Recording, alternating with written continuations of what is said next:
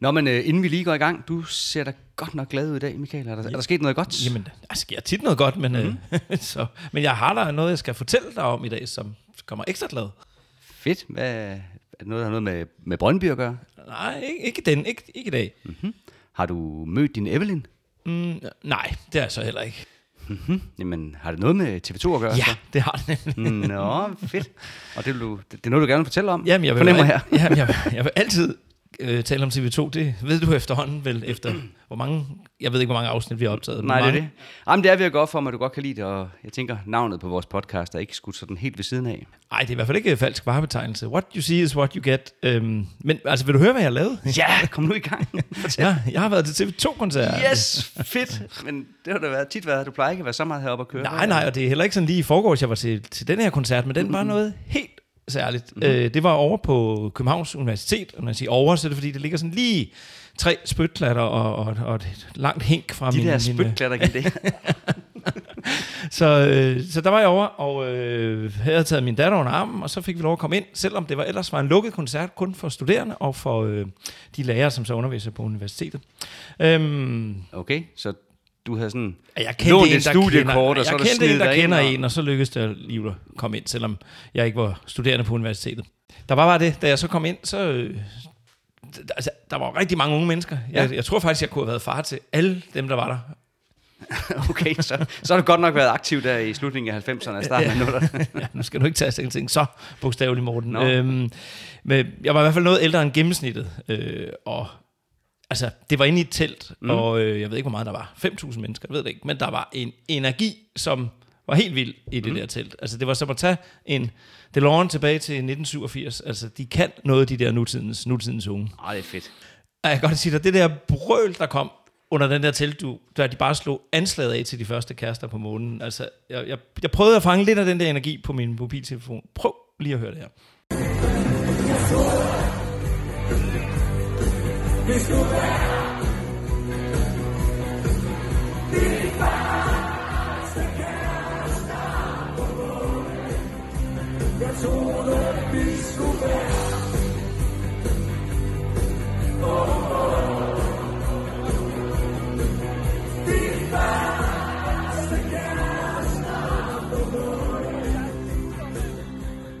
Ja, wow, det er en, det er en sang, de kender, var.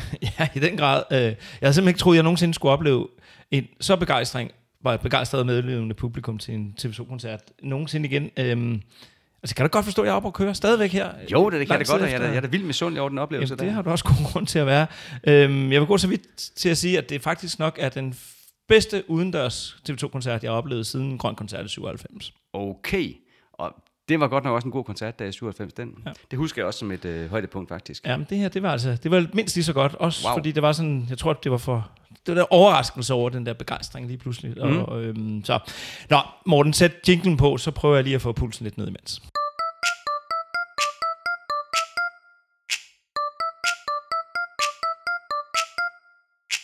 Vi taler kun om TV2 oh, oh. Babadabadabab. De er gode Og mens Michael arbejder med at få pulsen ned, vil jeg benytte lejligheden til at byde velkommen til den her episode af Vi taler kun om TV2. Jeg fik lige uh, talt efter her, mens vi hørte jinglen, og vi er nået til episode 26 efterhånden. Uh. Og i dag skal det handle om TV2's 19. studiealbum, Tæt Trafik i Herning fra 2018. Ja, og et album, der er ifølge Berlingske er lige så farligt som en midaldrende mand på mountainbike. Ja, uha, uha. Det lyder skræmmende.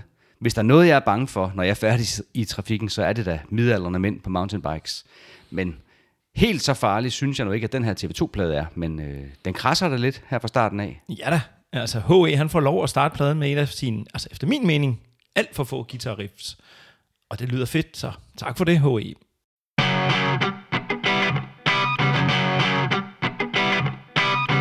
Duk dig for fjenden De skyder med skarpt Valget er vundet.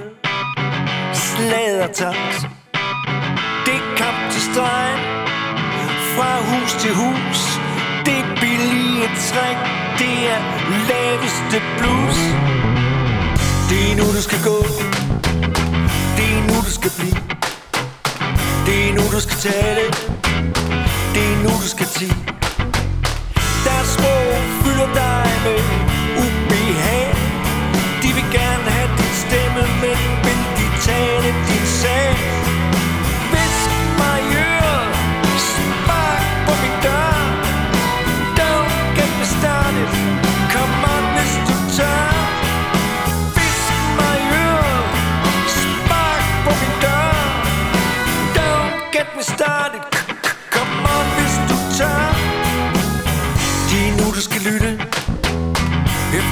bliver sagt Det er nu du skal til at være på vagt. De kommer og tager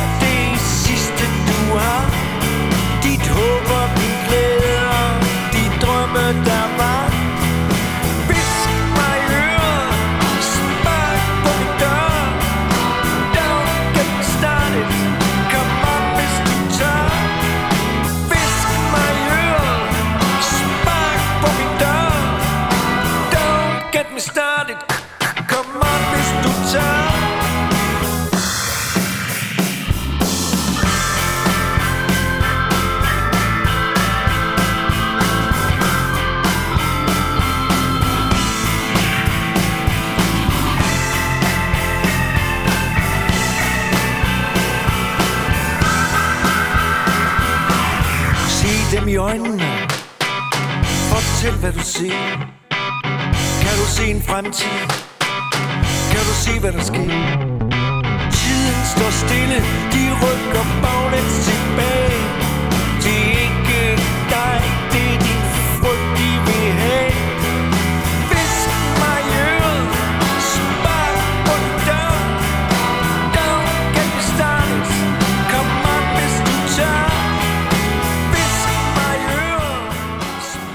Selvom pladens åbningsnummer hedder Don't Get Me Started, så skal der ellers lige love for, at vi kommer i gang med. Ja, hold da fest. Sangen blev udsendt som singleforløber, og jeg husker tydeligt det chok, jeg fik, da jeg satte nummeret på fra morgenstunden. Jeg satte det på i hele huset på én gang, og så gik jeg ellers små headbangende rundt og spillede luftgitar og luftbas og luftorgel, mens jeg også pakkede drengenes madpakker i taskerne og ordnede morgenmad og sådan noget. Så du købte den, den ude bageren og købte morgenbrød, eller køber man en plade om morgenen i Brande? Plader? Nej, den udkom der på streaming. Nå! Men du klappede garanteret også med på de der insisterende øh, håndklap, hvis jeg kender dig ret. Ja, selvfølgelig. Gjorde du ikke også det der? Jo, jo, i den grad. Jeg var med til det der sniglytter-arrangement på Bremen, eller Teater Bremen i København. Det vender vi tilbage til lidt senere. Mm. Men der mener jeg faktisk, at øh, vi decideret fra scenen blev instrueret i, hvordan vi skulle klappe rytmisk med. Ja. Jeg har lavet en top 3, Michael. Endelig! en top 3 over hvad? En uh, top 3 over overraskende første singler fra TV2-albums. Okay. Den er ikke sådan rangordnet eller noget, men den indeholder de tre sange, der blev udsendt som første smagsprøve på et TV2-album, som overraskede mig mest. Og det er den her, Don't Get Me Started på den. Ja, på. det er den nemlig. Det er den. Sammen med Rejsen til Rio, der jo lød så moderne for mig dengang, den blev spillet i radioen. Og så, der går min klasselærer, der bare gik i en helt anden retning, end af, hvad, hvad jeg havde forventet. Jamen, jeg, jeg, jeg, følger, jeg følger med der. Øhm, men jeg var også meget overrasket over Don't Get Me Started, kan jeg huske. Øh, Men, men også glad, fordi mm. det er da et... Øh, Ja. Selvfølgelig da. Øhm, information, avisen, de var knap så glade. De skrev om den her sang, at øh, selvom TV2 gør alt for at signalere beskidt rock i lyddesignet, er der intet løsslåbent eller fanden i voldsk over udførelsen. Guitaranslagene er mekaniske, bassen rund, ren og tilbagelænet, mens et par alt for velkoreograferede håndklap, placeret urimeligt irriterende sted i lydbilledet, dræber enhver illusion om råhed. Nå, nå. Ja, ja. Sangen var heller ikke rocket nok til Berlingske, der skrev sådan her. Åbningsnummeret Don't Get Me Started prøver at ryste posen med skramlede guitarakkorder, bumlebas, hissige orgelakkorder og en tekst, der direkte adresserer politikerlede. De vil gerne have din stemme, men vil de tale din sag? Det lyder dog mest som bredrøvet hyggejam. I bandets univers er det en radikal kunstnerisk beslutning, men, og her kommer så det her med mountainbiken, som vi talte om før, resultatet er lige så farligt som en midaldrende mand på mountainbike. sludder og nonsens. Prøv lige at læse teksten. Altså, det er jo skrabesager. Hvem havde set det komme, at Steffen Brandt ville være så direkte i sin kritik af danske politikere? De kommer og tager det sidste, du har, dit håb og din glæde og de drømme, der var. Nej, altså den her sang, den burde blive råspillet i radioen i hver eneste valgkamp. Men øh, Hørt. jeg mindes faktisk ikke, at jeg hørte den en eneste gang sidst, der var valg. Nej, måske skulle vi starte sådan en anden konspirationsteori om, at det er politikerne, der styrer, hvad der bliver spillet og ikke spillet i radioen, og det er dem, som holdt Don't Get Me Started væk fra playlisterne. Ja, det er, jo, ah, det vil måske være sådan lidt for langt ude. Jeg er ikke ret Ja. vild med konspirationsteorier. Nok. Er det så også den danske folkekirke, der har ændret teksten, så Steffen Brandt synger Duk dig for fjenden, og ikke Duk dig for fanden, som der står i teksthæftet? Ja, mund dog. Men vi kunne efterhånden næsten lave sådan en helt særepisode om øh, steder, hvor teksterne i teksthæftet faktisk ikke passer med det, der bliver sunget på pladerne. Ja, og, og, og det kommer der mere af senere på pladen, kan jeg godt røbe. Der hvor han synger, visk mig i øret, der kan jeg godt en gang imellem komme til at synge, pis mig i øret. Ja, det kan jeg også godt, men, men du må ikke sige det til nogen.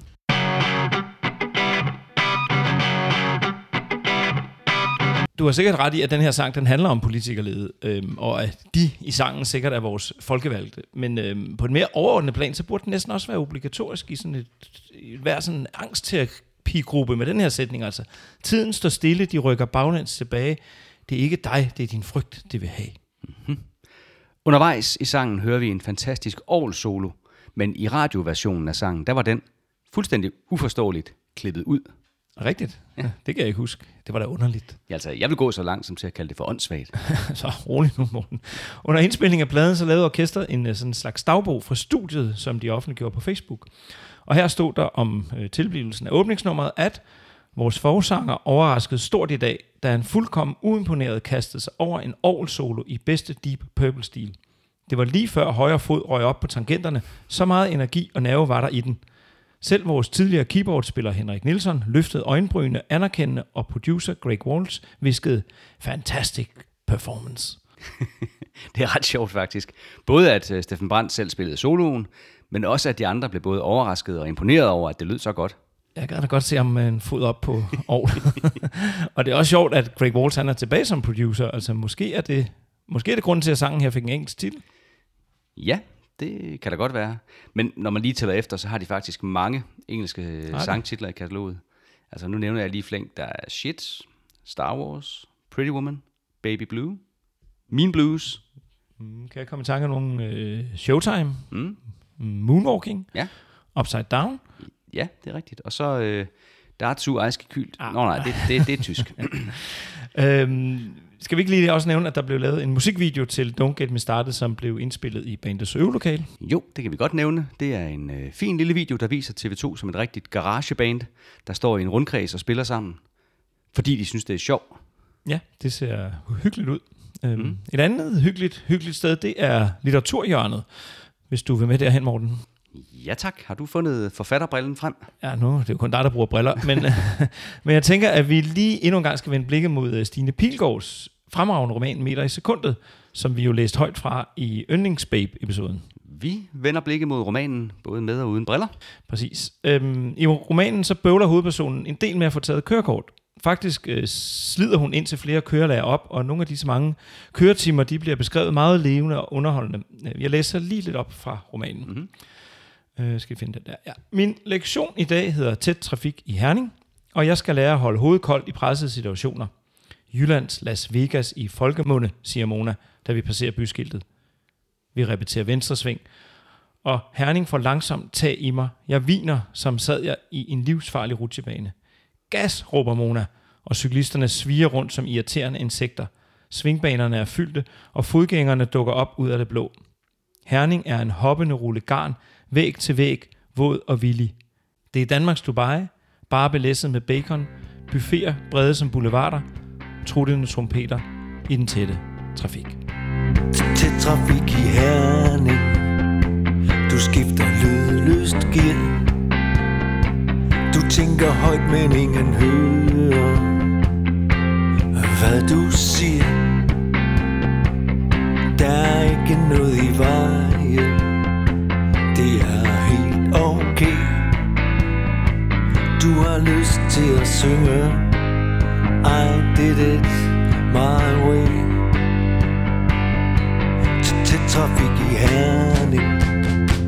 Du har ikke noget, du skal nå. Du drejer fra mod Holstebro. Sætter turbo på. Forude venter verden ser ud. Du er klar til at forsøge At give den et skud. Lad vær Oh, please lad gå Hun er på vej væk Ud i det blå. Til trafik i Herning.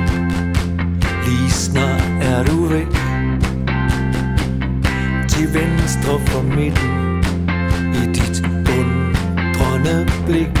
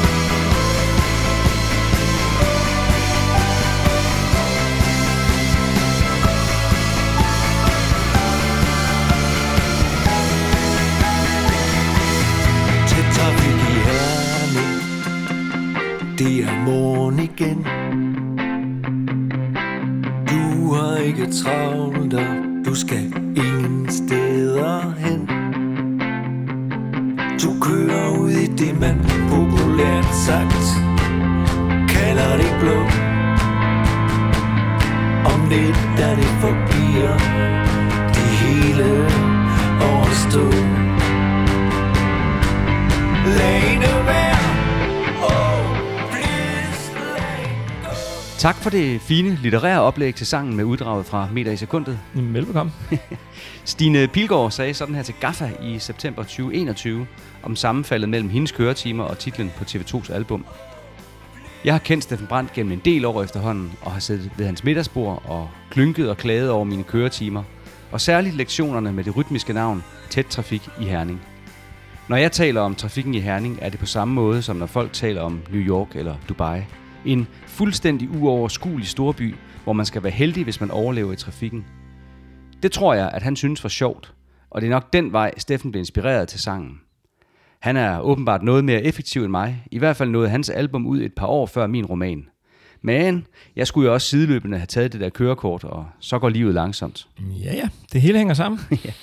Kan du huske, at jeg i sin tid fortalte, at jeg havde gået på gymnasiet i Tøring, som jo sjovt nok var samme sted, som Steffen Brandt havde været ude at undervise? Ja, jamen, det kan jeg godt huske. Jeg kan også huske, at I ikke var der på samme tid. Ja, ja, det er rigtigt. Men kan du så med uddraget fra Stine Pilgaards roman og titelsangen fra albumet i Ørene Gætte, hvor jeg i sin tid tog kørekort? Ja, du tog simpelthen kørekort i Herning. Ja, det gjorde jeg nemlig i Jyllands Las Vegas, som øh, Stine Pilgaard så smukt kaldte det. Havde du så også den der lektion, der hedder tæt trafik i Herning? Nej, ikke rigtigt. Det var jo i 90'erne, og der var der ikke så mange biler endnu. og slet ikke i Herning. Faktisk så skulle vi dengang til Vejle for at prøve at køre på motorvej. Det er lidt ironisk at tænke på i dag, hvor der stort set er motorvej hele vejen rundt om Herning og i retning mod Holstebro, Silkeborg og Vejle. Ja, de mangler ikke motorvej derovre i det midtjyske. Nej, det gør de ikke. Og, og det der øh, med at dreje frem mod Holstebro, det er lidt af en videnskab faktisk. Øh, I hvert fald når du kommer sydfra, for så kan du vælge mellem at køre øst og vest om Herning. Begge veje fører til Holstebro. Alle veje fører til Holstebro. Er det ikke sådan, man siger? Ja, og, eller også så siger man, at alle veje fører bort fra Holstebro. Det var meget trafikradio, vi fik lavet. Hvis, øh, hvis vi lige vender tilbage til Herning, så har jeg fundet et lille klip, hvor Steffen Brandt blandt andet forklarer, hvorfor lige præcis Herning er valgt som ramme for den her sang. Tæt trafik i Herning. Er det en sang om at sidde i kø på motorvejen og drømme sig væk? Ikke noget bestemt sted hen. Bare væk. Ud i det, man populært sagt kalder det blå. Eller er det en sang om en kvinde, som har fået nok? Mere end nok. Hun vil videre. Hun stikker af for det hele.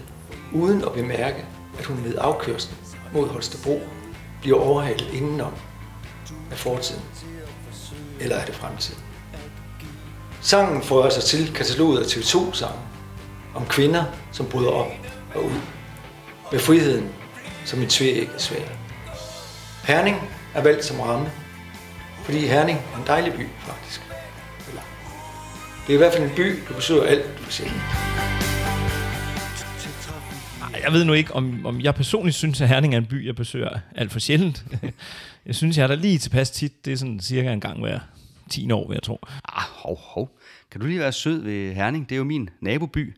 Det er en af Brandes største forsteder, faktisk. Ah, kan jeg vide, om de også køber den titel i Herning? Altså, de er lige blevet kaldt for Jyllands Las Vegas, ikke? Så lad dem nu bare komme ned på jorden igen. Godt så. Jeg hæftede mig i øvrigt ved noget andet, Steffen Brandt han sagde i det her lille klip, nemlig det der med, at sangen skrev sig ind i rækken af TV2-sange om kvinder, der bryder op og ud mod friheden som et tvækket svær.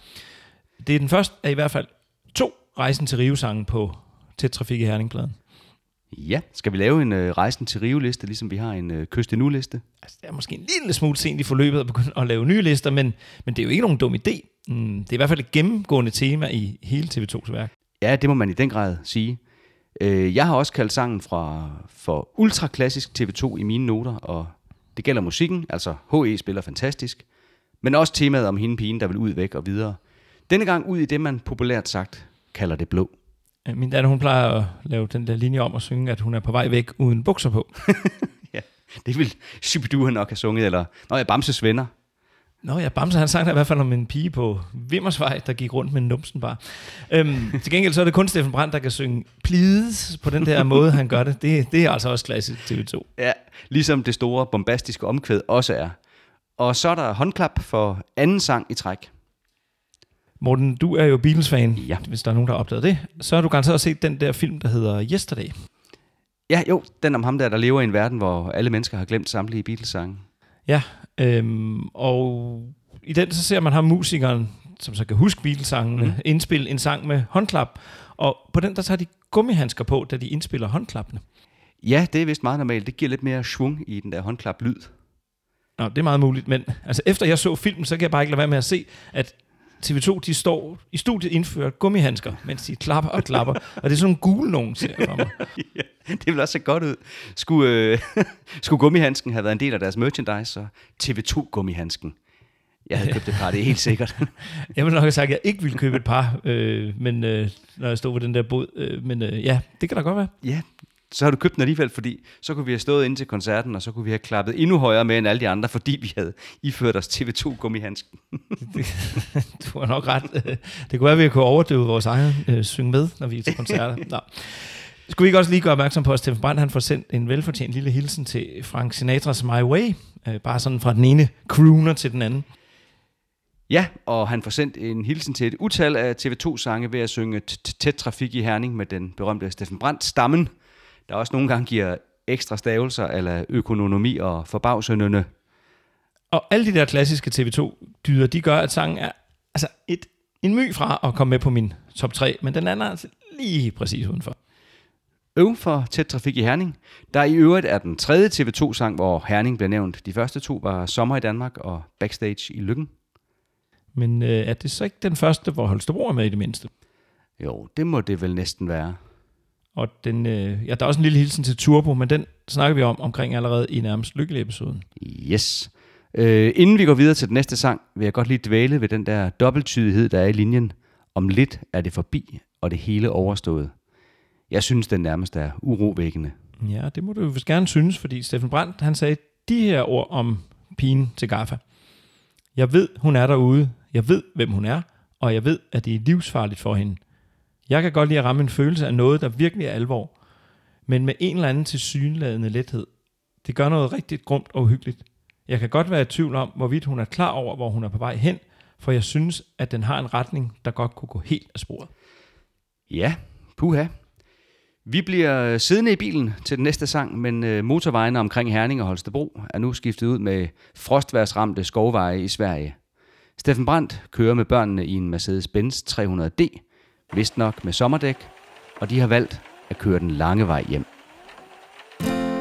Kører gennem natten Mercedes-Benz 300D Frostvær i oktober Der er ikke et øje at se.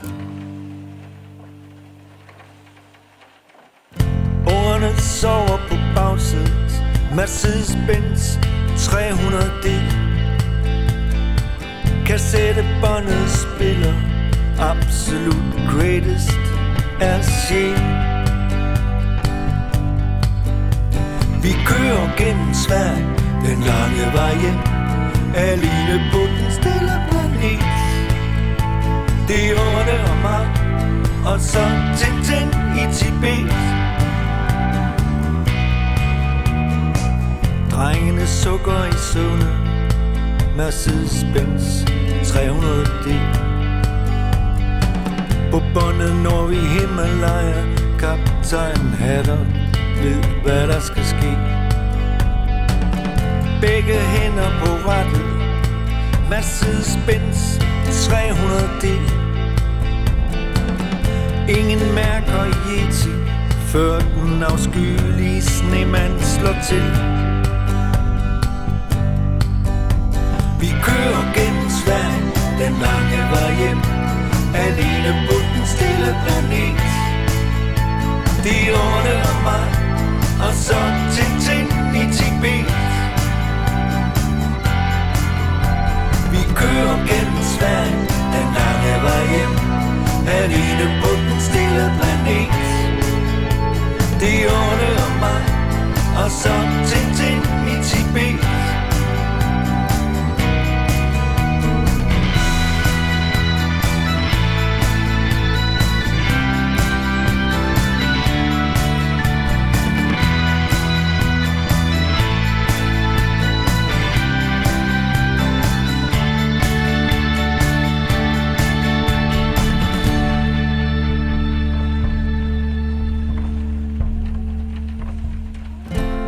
Stanser ikke for rødt. Mercedes-Benz 300D Snart skal båndet vendes Og det var så det. Livet haster videre. Mercedes-Benz 300D For altid sammen der i Småland. Om lidt begynder det at sne. Vi kører gennem Sverige Den lange vej hjem Nu siger jeg det bare med det samme. Ja. Den her sang, den er med på min top 3. Basta. Ja, okay. Det kunne du da bare slet ikke holde tilbage. Nej, fordi jeg elsker den. Det er den der måde, som stemningen den bliver bygget op på, både med musikken og teksten. Altså, man er, man er bare simpelthen med i den bil. Det er så godt lavet. Ja, du kan også høre vinduesviskerne. Ja, og lige præcis de der vind. Der har jeg faktisk tænkt på noget. Mm. Jeg kan huske, at uh, Anders Breinholt og Anders Lund Madsen, de havde i en ting i deres, den der nu hedgangne radioprogram med De Sorte Spejder, hvor de skulle gætte en bil ud fra lyden af vinduesviskerne. Og jeg kan vide, om de kunne fortælle os, om det virkelig er lyden fra en Mercedes 300, Benz 300D, der indleder nummeret.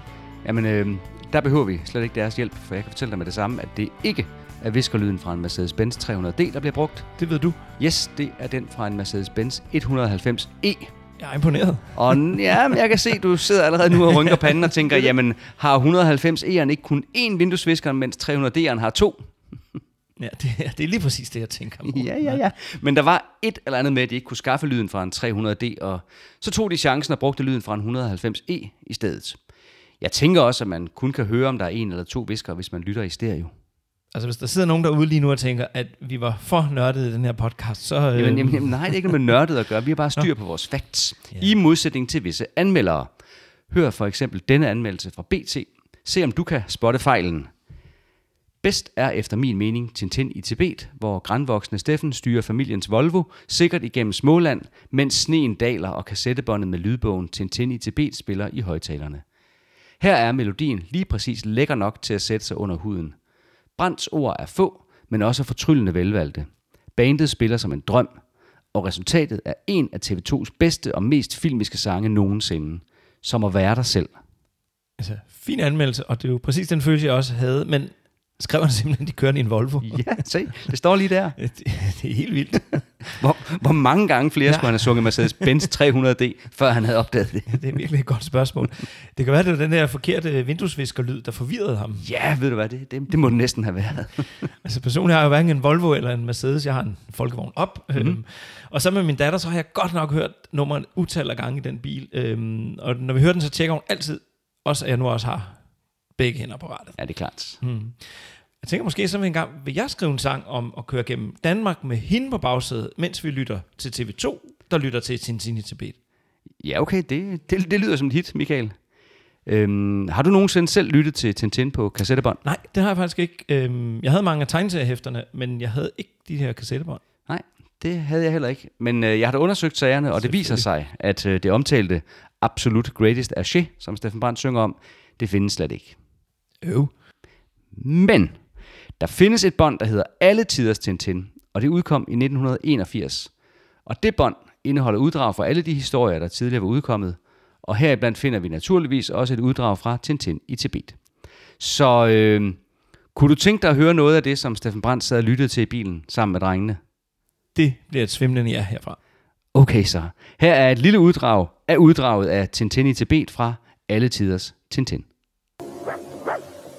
Er der noget i vejen, Terje? Hvad har du fundet? Fodspor, fodspor, store fodspor i sneen. Den afskyelige snemands fodspor. Ah, begynder du nok til til, det er jo bjørnespor, mand. Men lad os dog få power følge sporene, så vi kan få det opklaret. Nej, nej, sig det. Nej, det Nej, ikke gør det. Vær forsigtig. Ja, ja. Forsigtig. Ha, jeg får snart svæbe jeres yeti. Hov, vent lidt. Der ligger noget her. Ja, så var det jo bare endnu mere som at være med i den bil. ja, ikke? Tak for det. Jamen, jeg synes, det var god service over for vores lyttere lige at få det med. Jeg er helt enig. For nylig så så jeg et øh, tv-program, øh, det hedder Hjernen på Stjernen med ham her, Jan Hellesø, mm. og i den episode, han havde med Kasper Christensen, så var det ret pudsigt, at øh, Hellesø, han spillede lidt fra et gammelt Tintin-kassettebånd, som Kasper Christensen havde hørt Okay. i sin barndom. Og i den serie, så kører de rundt i, tada, en gammel Mercedes. Uh, spooky. Ja, men nu er det også Jan Hellesø, men øh, det synes jeg også, det var. Noget, der faktisk er lidt interessant ved sangen, er, synes jeg, at den giver et sjældent privat indblik i Steffen Brands familieliv. Det er ikke ret tit, han på den forholdsvis direkte måde inddrager sin egen familie i en sang. Det har tidligere været mere øh, pakket ind, når han har gjort det. Ja, det er du faktisk ret i. Øh, når han har delt ud om ting fra privatsfæren, så har det ofte været interviews. Og jeg har faktisk øh, fundet netop sådan et interview fra Euroman, hvor han også kommer lidt ind på det der med at køre bil. Journalisten spurgte ham, hvad der var det bedste råd, som han havde fået af sin far, og til det svarede Steffen Brandt sådan her. Jeg fik kørekort i en ret sen alder, og må nok betegne mig selv som en ivrig, men temmelig dårlig bilist. Min far derimod var rejsende salgsrepræsentant og som sådan en erfaren og overlegen bilist. På et tidspunkt, da han var blevet ældre, skulle jeg køre ham hjem og kom til at dreje ind på cykelstien ved Jyllands Allés runddel. Han kiggede anerkendende og en smule forbløffet på mig og sagde, tro på det. Det er ret sjovt. Også måske, fordi det ligger faktisk lidt op til noget, som også har noget med næste sang at gøre. Okay, øh, hvordan? Ja, altså, du fortæller lige, at Steffen Brandt, han kørte bil på cykelstien. Ja. Ja. Det må man jo ikke. Og Nej. i næste sang, så går pigen på Alsundsbroen. Og det må man heller ikke, for det er en motortrafikvej. Hey, du har ret. Det passer da helt perfekt sammen. På Body Holly i Sønderborg Står solen op, de sidste gæster går. Hun står der og venter på dig. Den sidste bus mod Dybøl af. Er gået der, ingen tilbage. Hun står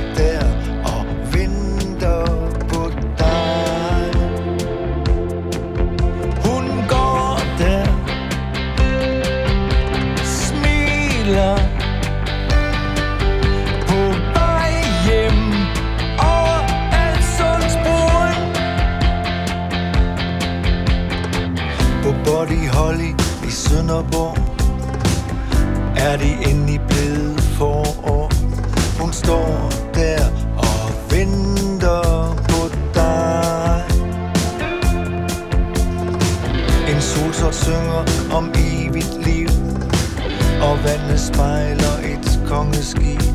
Hun står der og venter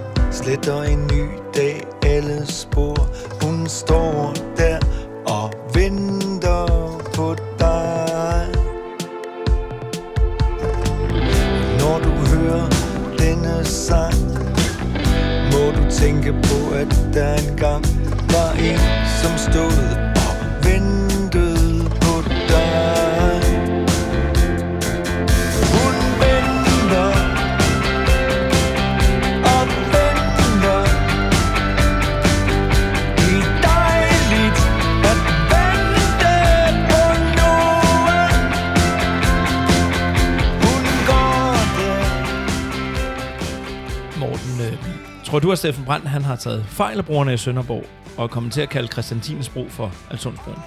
Altså, øh, mit ærlige svar er, at øh, ja, det tror jeg faktisk.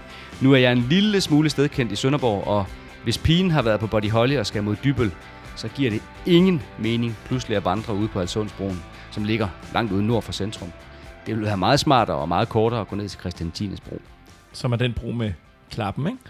Jo. Altså man synger om i, øh, hvad er det, Spodsbjerg Tors? Yes, det er den. Øh, og det er også derfra, man typisk kan se kongeskibet, når det ligger nede i havnen.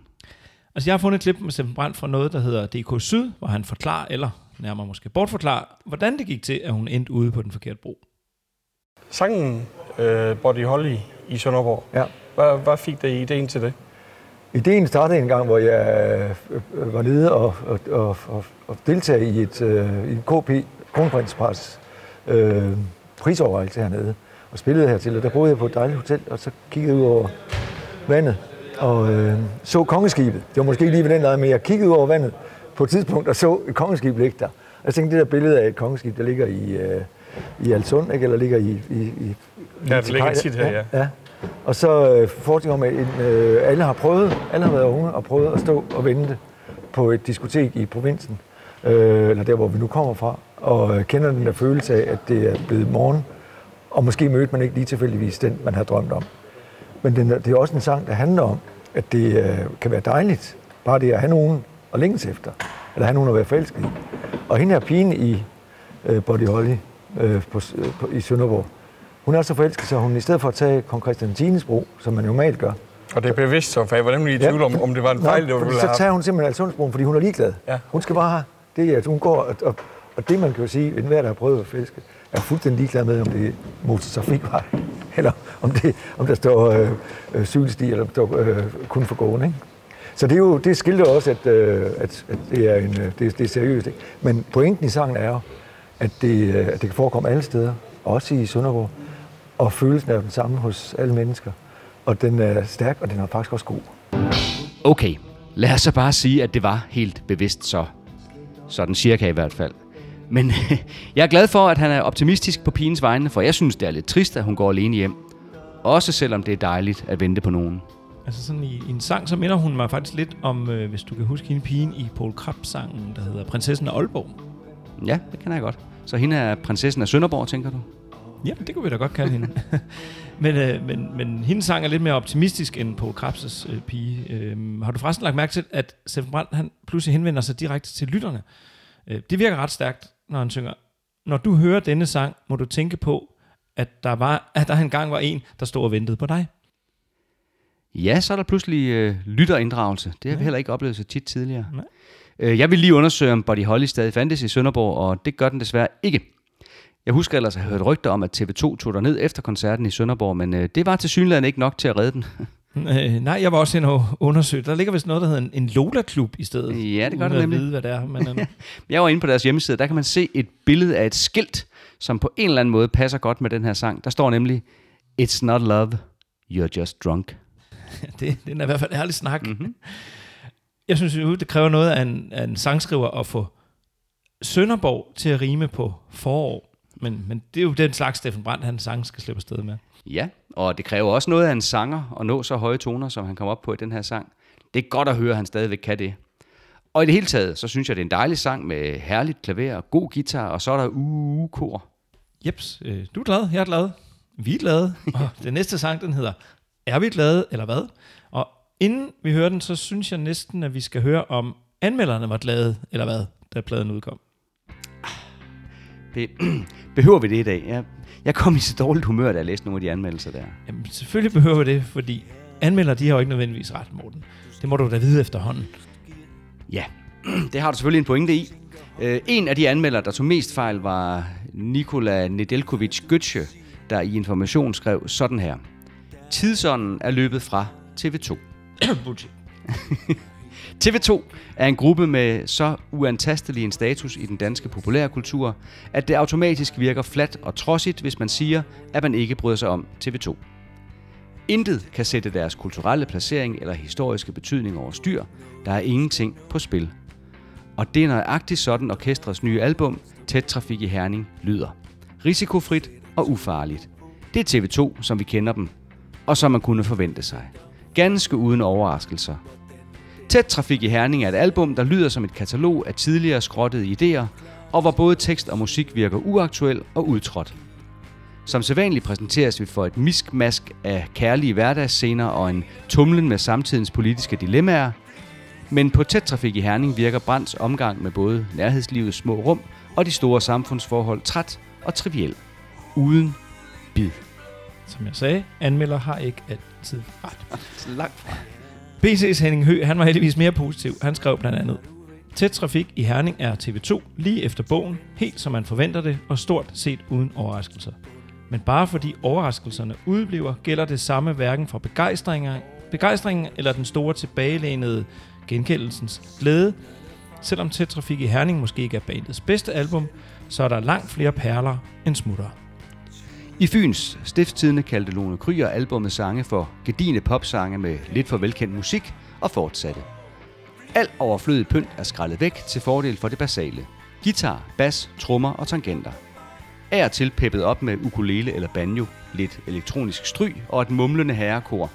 Men ellers står de gedine popsange helt rent. Denne gang skildrer Steffen Brandt livet, som det former sig i ghettoen, i udkanten, i parforholdet og i erindringen. Så ordene bliver en fremstrakt hånd til de fremmede, de ulesete, de oversete og alle os andre. Hun, hun klandrer et band for at være lidt for velkendt musik. Hvis nu de har udgivet et band og lyt som på slaget 12, tror du så også, hun har været tilfreds? Eller hvad? Nej. Nej, vel? Nå. Weekendavisen havde sat Claus Løngaard på opgaven med at anmelde den nye plade, og han skrev blandt andet sådan her.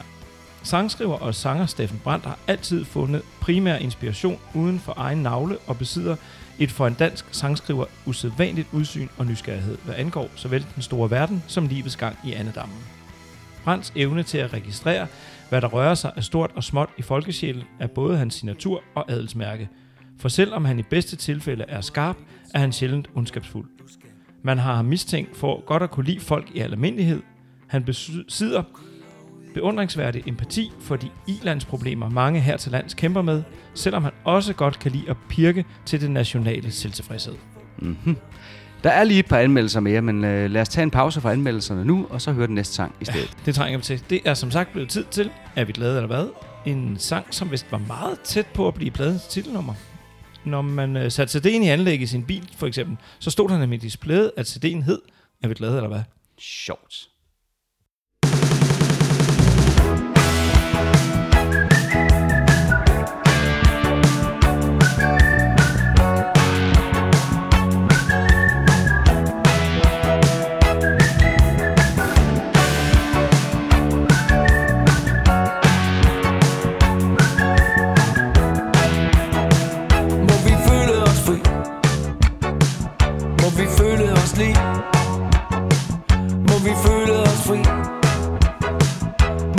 Synes vi har gået. Efter det vi har tro Må vi synes vi har gået. Er vi glade?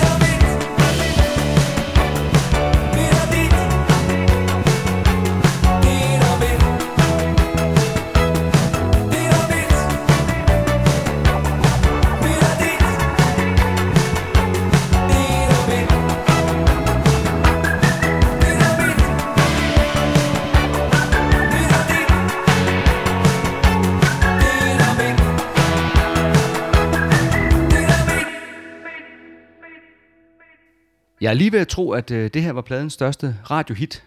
Jeg hørte P4 i bilen på vej til og fra arbejde dengang, og, og der spillede de den tit. Ja, du har vist ret i, at det var en af de sange fra pladen, som blev spillet rundt omkring. Det er også en god sang. De spiller simpelthen så tight. De lyder som, øh, nå ja, verdens bedste band. Som de jo så også er. Nå ja, Det, det er i hvert fald en livsglad lige til, og 1, 2, 3 derude af melodi. Øhm, og så har den et fløjtetema. ja, det gør den til et sikkert hit. Øh, en af vores trofaste lyttere, Thomas Warnbag Mortensen, skrev til os, at vi lige skulle tjekke, om ikke introen til sangen minder en hel del om introen til klichésangen Militskvinder. Det kan jeg godt huske, han skrev. Har du fået tjekket det, Morten? Nej, det er desværre ikke noget. øh, uden at det skal lyde som en øh, kliché, så har jeg haft lidt travlt de sidste 20-30 års tid. Men øh, jeg tænker at vi kan tjekke det lige nu, sammen med vores lyttere. Er du øh, frisk på det? Ja, det var da en god idé. Mm. Øhm, lad os høre en gang her, så starter vi, så spiller vi først starten på, er vi glade, eller hvad?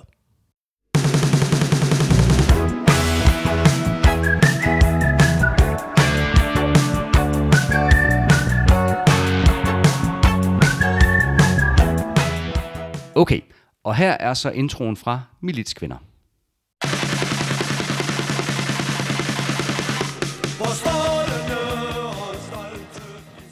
Ja, Morten, hvad siger du? Har han en øh, sag, den gode Thomas? Jamen, øh, det har han da helt bestemt, men øh, jeg tror på den anden side ikke, at det er et uheld. Jeg er ret sikker på, at det er helt bevidst.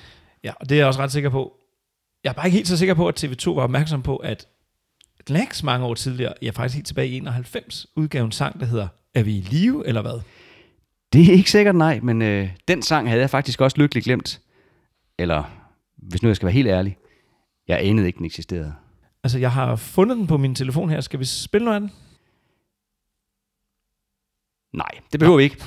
øh, så vil jeg hellere tale lidt mere om, er vi glade eller hvad? Som jo er en slags øh, checkliste, som jeg faktisk gennemgår hver eneste morgen. Skal vi kæmpe lidt mere, eller blive hængende her? Er vi det rigtige sted? Har vi hinanden med? Og så videre, og så videre. Det står du op hver morgen og går igennem, simpelthen. Ja, ja, selvfølgelig. Og, og, og hver aften også, for den sags skyld. Mm, så ser vi det. Mm. Øhm, jeg, synes, jeg synes, det er fedt, at Steffen Brandt, på trods af den glade melodi, så han lader os stadigvæk tænke lidt over, om livet nu gør os glade nok. Og jeg er allervist vild med linjerne. Må vi tænke stort om det lidt, vi har gjort? Berlingske kaldte sangen for ironisk selvhjælpspop, man kan danse til. Ironisk selvhjælpspop. Det er da en meget god betegnelse. øh, ja, selvom jeg ikke ved, om den er så ironisk endda. Nej, der er vi jo tilbage i grænselandet mellem oprigtighed og ironi, som vi også berørte, dengang vi talte om øh, Herlev, det er skønt. Jeg tror, det er parret for Herlev, den her sang handler om. Altså herre fra Danmark med andre ord. Og apropos besøg i gamle TV2-sange, så fortsætter vi i den grad med det i den næste sang, hvor vi endnu en gang skal ud og danse. Og den gang så møder vi en, som gerne vil danse himlen blå. Information skrev om den her sang, at den med sin valsede spilledåse æstetik, omkvædstemposkift og tålmodige opbygning er en særling på albummet og det klare højdepunkt. Jeg skal lige bladre tilbage. Information, som ellers havde pladen. Jeps. Hun kunne have danset natten lang Forsvundet i den iskolde nat Dukket op i en lykkeligere sang Smile forsigtigt og glemme at Hun drømmer,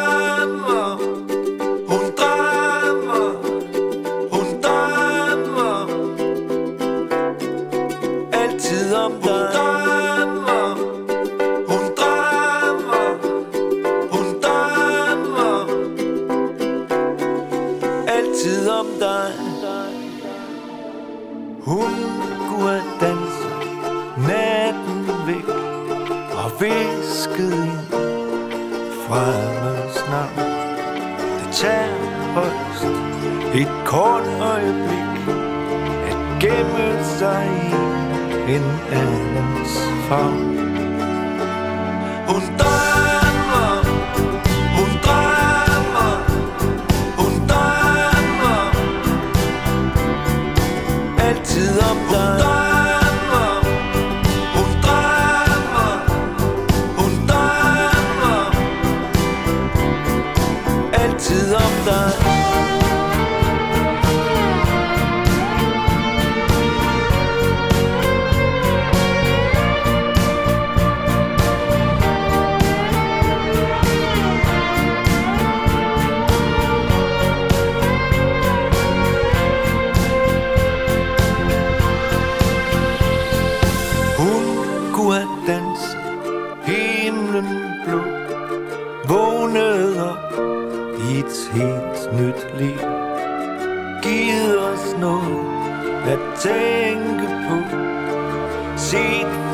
Drømmers perspektiv.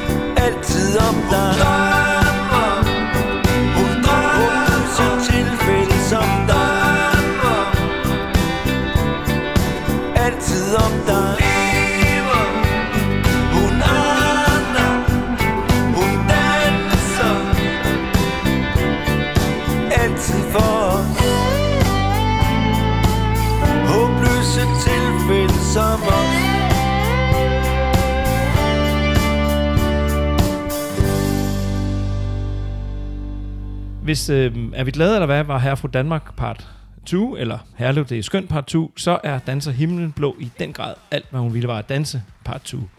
Vi møder helt tydeligt den samme pige, og det er faktisk synd for hende, at hun aldrig fik danset natten væk. Men det er en sjov detalje, at hun i part 1 ville flygte i sin elskedes arme, og nu så vil hun så tage til takke med at gemme sig i en fremmeds eller bare en andens favn. Hele sangen handler om, hvad der kunne være sket med hende, der forsvandt i den iskolde nat. Ikke hvad der rent faktisk skete. Hun kunne have danset natten lang eller væk eller himlen blå. Men vi ved ikke, hvad der rent faktisk er sket med hende. Nej, men sangen slutter med, at hun danser videre for alle os håbløse drømmer eller håbløse tilfælde. Og hvem ved, måske bliver det min favn, hun danser ind i. Nej, det kan da godt være. Du er i hvert fald et håbløst tilfælde, så ja, hvem ved? Ja, tak for det. Jeg krydser fingre. Jeg har en meget god ven, øh, som for nylig sagde, at hans hadesang nummer et med TV2, det er alt, hvad hun ville var at danse, altså part 1. Okay. På grund af, at den er så countryagtig, som den er. Øh, måske skulle jeg fortælle ham, at der findes en part 2, øh, eller part 2, som ikke er country. Ja, det kan du da prøve. Du kan også prøve at spille øh, for eksempel Tina Dickows version af den, hvor, den, hvor man faktisk endnu bedre kan høre, hvor god en sang det egentlig er. Hvor det, det her country er skrællet Ja, væk. det vil jeg gøre. Det var en god idé. Mm-hmm. Men øh, Danser Himlen Blå er, bortset fra det, en af de sange på albumet, som jeg har et blødt punkt for. For det første så er jeg vild med, at den skifter taktart indtil flere gange undervejs fra tre fjerdedele i versene til fire fjerdedele i omkvædene. Og så spiller H.E. altså en vildt George Harrison-agtig solo også. Og den slags, det giver altid pluspoint hos mig. Der er vist også en ukulele og en banjo med, er der ikke? Jo, og det lyder godt. Altså ut- utroligt nok. Julemand, de spurgte Steffen Brandt om, hvad mænd burde vide om kvinder, og til det spørgsmål, så svarede han sådan her. Jeg bryder mig ikke så meget om ordet bør. Det bør ikke bruges sådan i fling. Det er klassisk Steffen Brandt i øvrigt. Men min fornemmelse siger mig, fortsatte han, at kvinder ofte har adgang til helt andre dimensioner. De har en tyngde, en dybde og en intuitiv indsigt, som er ud over, hvad mænd overhovedet er i stand til at percipere. Til gengæld er vi sikkert bedre til noget andet. Jeg kan bare ikke lige på stående fod komme i tanke om hvad. Du står der i døren, jeg ved, hvad du vil sige Måske er bare misundelig over, at du forbliver fri. Jeg kan intet høre, og slet ikke, at det er for sent. Du rækker mig en hånd, og jeg visker tavlen ren. Du har sat dine spor væk Alle ved at du var her. Kampen er vundet Men du spillede ikke fair. Du vasker dine hænder og hænger mig til tør Mellem alle dine drømme og et liv, der ikke kan lade sig gøre. Du har sat dine spor ved Alle ved at du var her.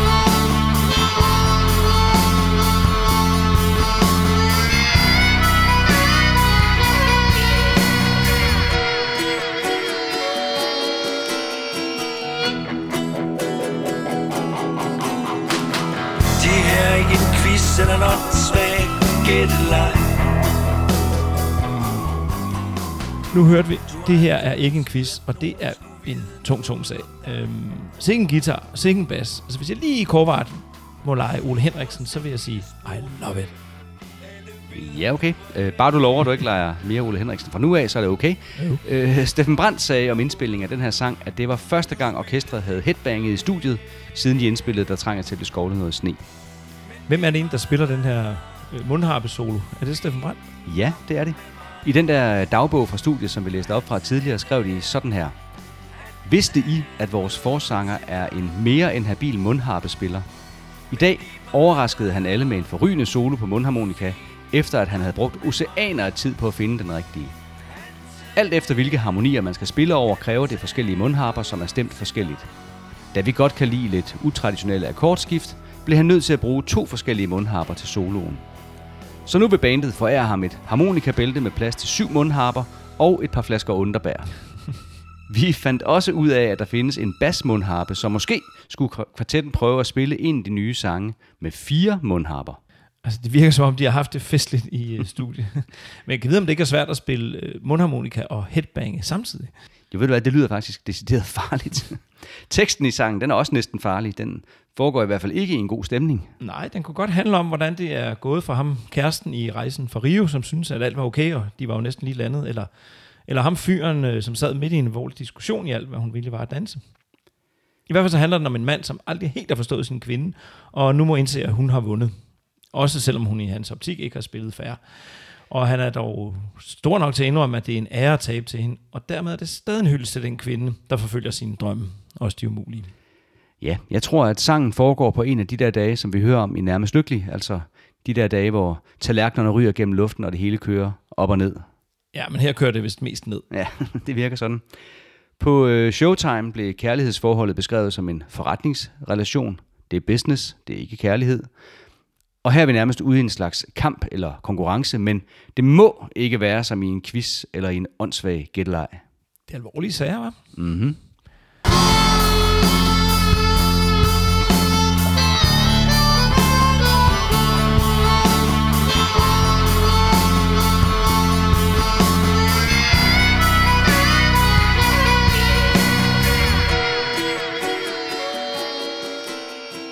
Om den næste sang sagde Steffen Brandt sådan her til Danmarks Radio. Jeg tænkte, det kunne være fint at gå ind og lave en ganske almindelig søndags hverdagsbeskrivelse af et område, som er helt blank for de fleste. Jeg synes, at humoren fagner, og måske også er med til, at man kan se det der område for sig, og måske tænke, nå ja, lad os prøve at forstå det, i stedet for at være bange for det. Det område, som han taler om, er Aarhus V. Sangen, vi skal høre nu, hedder ikke Boligblok A, men Stille og rolig søndag i Aarhus V. Stille og rolig søndag i Aarhus V. Jeg er Hassan, ruller rundt i en tone BMW Der er midlertidig stop for al integration. I Bispehaven venter alle ikke på nogen. Stille og rolig søndag i Aarhus V. Blokken er tomme, der er ikke et øje at se. Jo for resten, der står to typer og sprætter dæk Før du kan tælle til politi, er de allerede væk. Og det er sommer, er sol og det er søndag. Med frihed til at lukke frygten ind. Ja, det er sommer, det er sol og det er søndag. Med ret til at møde verden med et åbent sind. Stille og roligt søndag i Aarhus V Det hvide der på bordet, det ligner nyfalden sne. Det dufter af kebab og storstilet halal. Black Army holder ophørs udsalg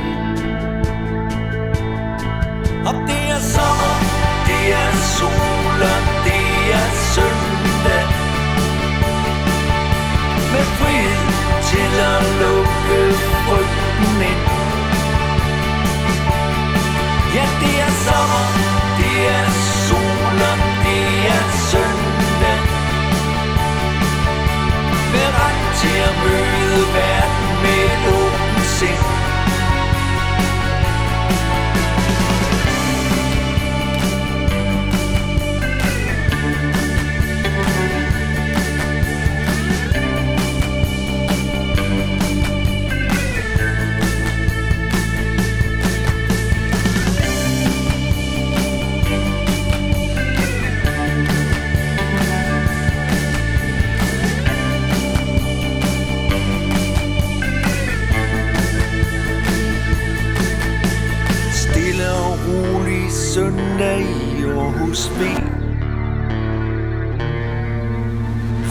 Fredagsbønnen flyttet til nærmeste måske Imamen råber Gud og står efter en, der råber fuck To børn slutter fred i en krig, der var længe nok.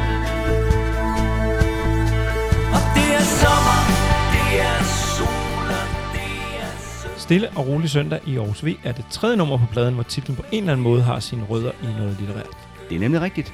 Tæt trafik i Herning var kraftigt inspireret af forfatter Stine Pilgaards køretimer, mens Tintin i Tibet selvfølgelig havde navn efter Ashes klassiker. Stille og rolig søndag i Aarhus V er direkte afskrevet fra Twitter, hvor digteren Jaja Hassan havde skrevet lige præcis det, sammen med et billede af sig selv, hvor han poserede med et våben. Ja, faktisk så førte jeg, så, jeg Hassans Twitter-opslag til, at politiet rykkede ud og anholdt ham for ulovlig våbenbesiddelse. Man fandt ikke noget våben på adressen, men dog 13 gram hash og 1,9 gram kokain. Det der hvide der på bordet, det ligner nyfalden sne, kunne jeg sige. Lige nøjagtigt. Udover at have inspireret Steffen Brandt til sangens titel, optræder jeg Hassan også i sangens første vers. Jeg er Hassan ruller rundt i en tonet BMW. Ja, og i teksthæftet, så er det jo så stadig som jeg er Hassan, altså jeg er, og ikke jeg er, som det ellers staves hans navn. Ja, det er også næsten uh, shubiduask. Ja, det kan vi godt kalde det. Da TV2 nogle år senere optrådte til fællesang på DR, så valgte de at spille netop den her sang. Og da jeg Hassan i mellemtiden var gået bort, så havde de ændret teksten til Vi siger farvel til jeg er Hassan i en tonet BMW. Mm-hmm. Vi to oplevede også sangen sammen live, da vi så TV2 i Tivoli Friheden i Aarhus, først på sommeren i 2022. Ja, det gør vi nemlig. Øhm, og det er også en fin sang med en hel masse gode og finurlige tekstlinjer. Altså både det der sjove med, jeg er Hassan, og så det der med, at i Bispehaven venter alle ikke på nogen. Jeg kan også godt lide, at der dufter af kebab og store stilet halal. Altså, hvordan kan halal være storstilet? Ja, det har jeg også tænkt på, men hvad nu, måske hvis nu uh, Steffen Brandt og Tina Dikov, de fremfører Halleluja. Ah, Nej, nej, måske ikke. Men øh, jeg kan også godt lide beskrivelsen af livet ude mellem boligblokkene, hvor de skumle typer når at stikke af, inden nogen kan tælle til politi. Især fordi det så bliver sat op mod den linje, som vi ellers kun kender fra far til fire, nemlig det er sommer, det er sol og det er søndag. Selvfølgelig pakket ind i en melodi, som er helt vildt nem at synge med på. Og så er der håndklap igen. Ja, det er simpelthen nok pladens måske allermest overordnede tema. Håndklap. Yes. Og så er det en fin måde, at Steffen Brandt han får fortalt os alle sammen, at vi hver især er frie, frie til at lukke det ind, vi vil. Og må ikke det er bedre at lukke lyset ind end frygten. Altså vel selv Danmark, synes han at sige. Øhm, sangen er vel Steffen Brandts mest markante samfundskommentar. Altså ikke bare på den her plade, men ja, ret lang tid faktisk. Ja, altså jeg kan ikke lige nævne andre i samme boldgade her omkring. Måske er der lidt af det samme i ødelagt land, som vi kommer til om lidt. Ja, lidt. Altså, men her er der bare sådan en fin kontrast i det der med, at altså omkvædet, de skamløst citerer, øh, det er sommer, det er sol og det er søndag fra far til fire, og samtidig med, at den så konstaterer, at der er ret langt fra den slags nærmest sådan Morten Kok-agtige idyl, når man bevæger sig ud i Aarhus V. Ja, jeg får nærmest gåsehud i den der linje, hvor han synger, to børn slutter fred i en krig, der har varet længe nok. Ja, Sten Brandt, han antyder, at børn de jo nok næppe ville bekrige hinanden med, som voksne, hvis de, ikke, hvis de nu ikke lærte at frygte kulturer, de ikke kender. Ja, det er meget, meget smukt. Men der er noget, der undrer mig helt vildt, Michael. I sangen her, Ja, og hvad er det? hvorfor er der fredagsbøn på en søndag? Hmm, fredagsbønnen flyttet til nærmeste måske. Hmm. Den er nok også bare blevet flyttet til nærmeste søndag så. Ja, måske. Måske, ja.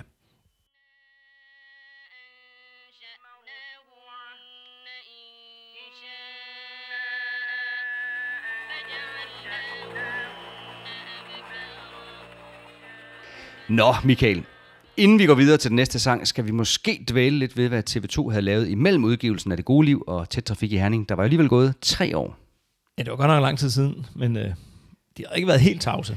Nej, altså efter albumturnéen i foråret 2015 tog de på en lang sommerturné, der blandt andet bragte dem forbi festivalerne i Jelling, Skive, Harboøre og Rock under broen i Middelfart, ligesom de også var til fredagsrock i Tivoli.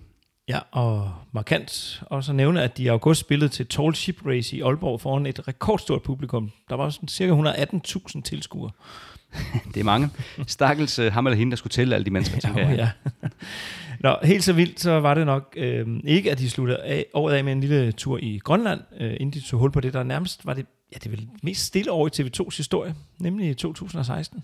Og her var der ikke mange offentliggjorte koncerter. Når man kigger i deres koncertkalender, så var der kun en koncert i Olof Høst Museets have den 29. juni, og en i Nuuk den 9. december. Og så glemmer du en. Du glemmer koncerten over alle koncerter. Altså næsten. Øh, Den store TV2 og special guest på Smukfest i Skanderborg den 7. august 2016. Yes, den glemte jeg nemlig helt med vilje. Vi skulle lige gøre lidt ekstra opmærksom på den. Den koncert var et orgie, et overflødighedshorn, en ekstravagant musikalsk tour de force, en opvisning i showmanship, en tidsrejse gennem dansk rockmusik. Tør man kalde den koncert for det rene, nå ja, Slaraffenland? Øh, jeg tager godt, og tak til Jørgen Let for den beskrivelse. Ej, det var vildt. Øh, Var du der, Morten? Nej, det var jeg ikke, men jeg sad derhjemme og så den live i tv, og det var altså stadigvæk en vild oplevelse. Ja, og jeg var der nemlig heller ikke, men det er nok en af de gange, hvor jeg tænker, det, der, der skulle jeg nok have været. Puha. De var i topform, på trods af den her manglende træning, og øhm, det var da også en af de koncerter, som Steffen Brandt fremhævede som noget særligt, da vi talte med ham i forrige episode. altså, hvis man lige kigger på gæstelisten, ikke? Øhm, The Minds of 99 var der. Og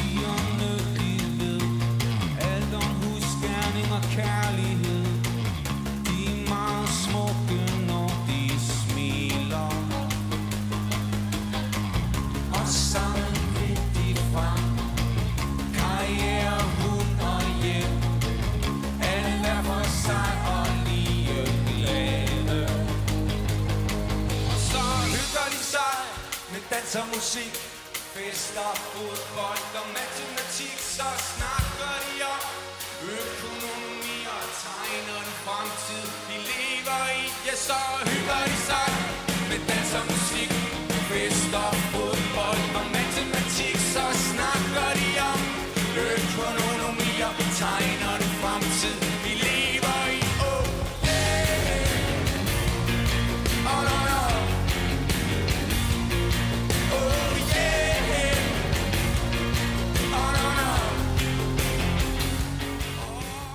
Tina Dikov kiggede forbi.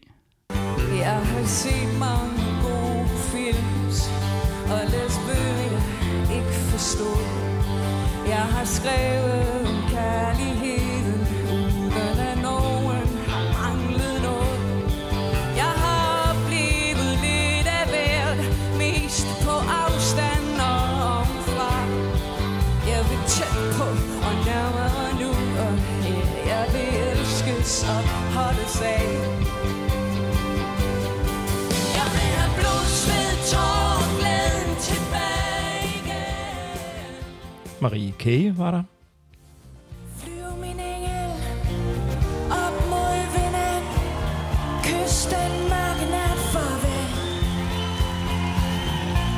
Min stjerne ud af månens dystre skyggespil. Følg mig over. Og vores gamle ven Marci.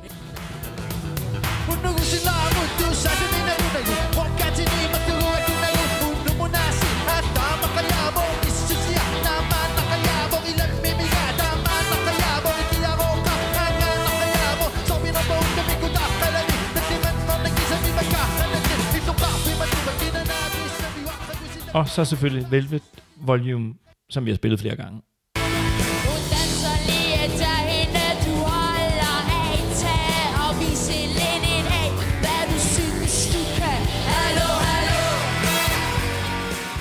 Man bliver helt forpustet. Publikum var helt vild, og pressen kunne heller ikke få armene ned. BT gav koncerten fem stjerner og kaldte den for en total oplevelse af de sjældne. DR skrev om koncerten, at det var den koncert på Smukfest, der ville komme til at sidde længst i hovedet og hjerte. Der var også fem stjerner fra Gaffa, som kaldte det for en omfavnende afslutningsfest med gedigende gæster. Så jeg ved ikke, Morten, skulle vi ikke lige høre et eller andet nummer fra koncerten? Jo, det kan vi da godt. Øh, hvad vil du høre? Oh, det havde jeg så ikke lige tænkt på. Øhm, vi har tidligere hørt, vil du danse med mig, Love Shack kombinen en gang, Mm. mm. har vi ikke? Jo, den har vi spillet. Nå, okay. Øhm, så hvad vil jeg gerne høre? Hvad med nærmest lykkelig? Det vil jeg være længe siden. Ja, det er da et øh, glimrende valg, Michael. Den kommer her.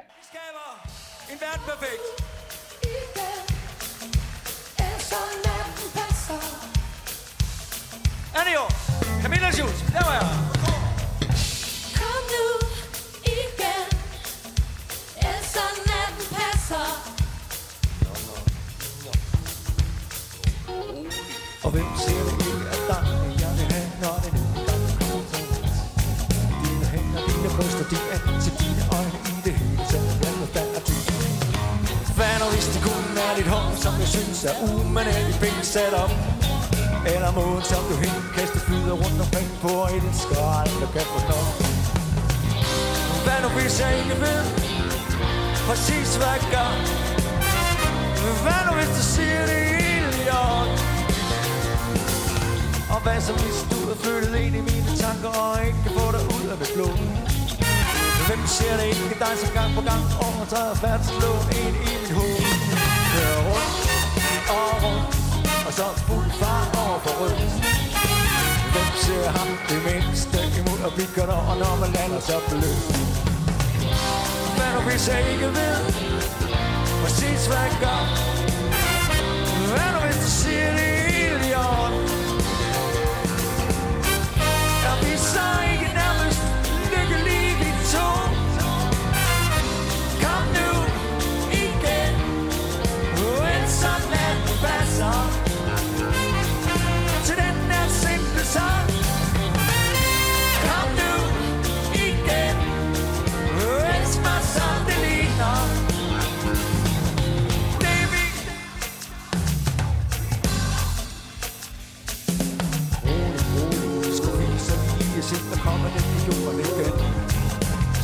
kan man ikke, og nogle gange er det dem stemt eller ikke lige land Der er dage, hvor tallerkenerne ryger gennem luft Når det hele kører op og ned. Hvem ser ikke lige at have det sådan, når det dig, har det sådan lidt Hvad nu hvis jeg ikke vil præcis hver gang. Hvad nu hvis du siger det?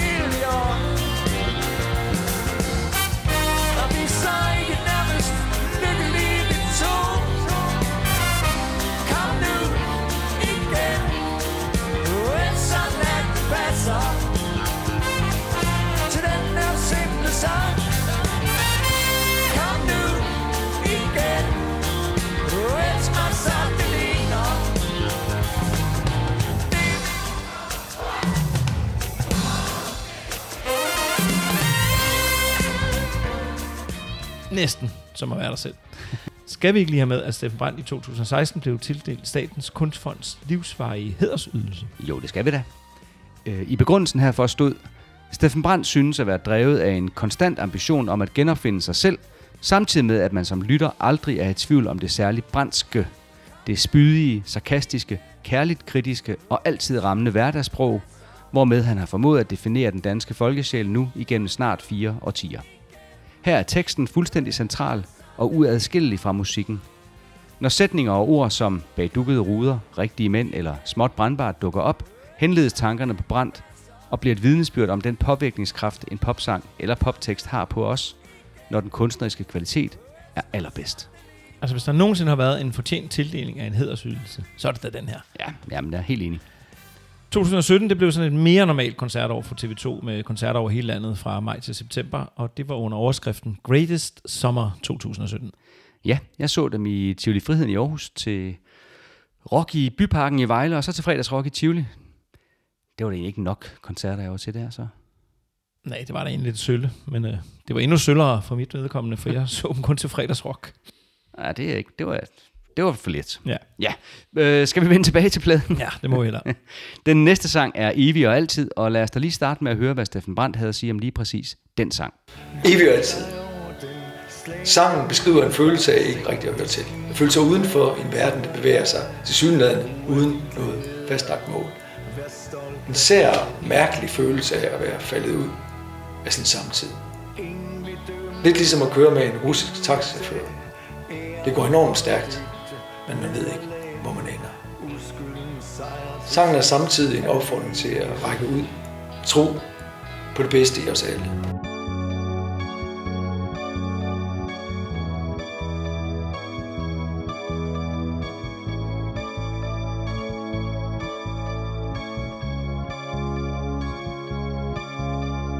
Evig og altid på jagt efter drømmen Kæmper mig hårdt op imod strømmen For alt det smukke der må og skal vare ved. Hver dråbe af lys i den mørkeste kælder Hver eneste sug af livet tæller. Vinen smager langt væk af øsselhed. Løft dig over den slagende middelvej. Sænk de skibe, der tynger dig. Brug af din glæde og vær stolt af dig selv. Ingen vil dømme dig, ingen vil tage æren for dit nederlag. Uskylden sejr til sidst alligevel. Hold mig om livet og fræs din Gud. Syng den igen. Ræk ud, ræk ud. Og blikket flakker mod syd og nord Og fejlanbragt ved de rige spor. Sulten for sjov, det smager som dødens pølse. Fremtid mod øst eller vest. Ser mig selv stå som ubuden gæst. Ikke noget særligt. Det er bare en følelse. Løft dig over den gyldne middelvej Sænk de skibe, der synger dig. Brug af din glæde og Vær stolt af dig selv.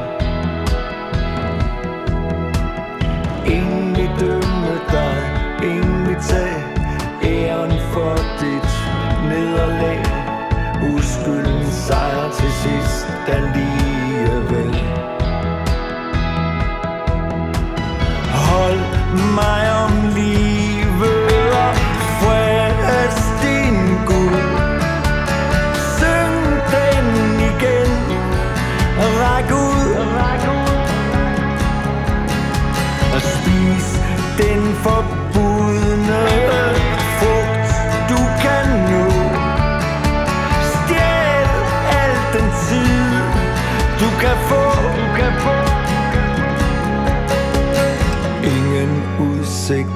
lang tid givet. Horisonten smyger sig tæt om livet. Evigheden trækker regntøjet på. Havnefronten har trukket op. Skråtbyggeri i min sjæl og min krop. Presser hvert håb til det yderste strå.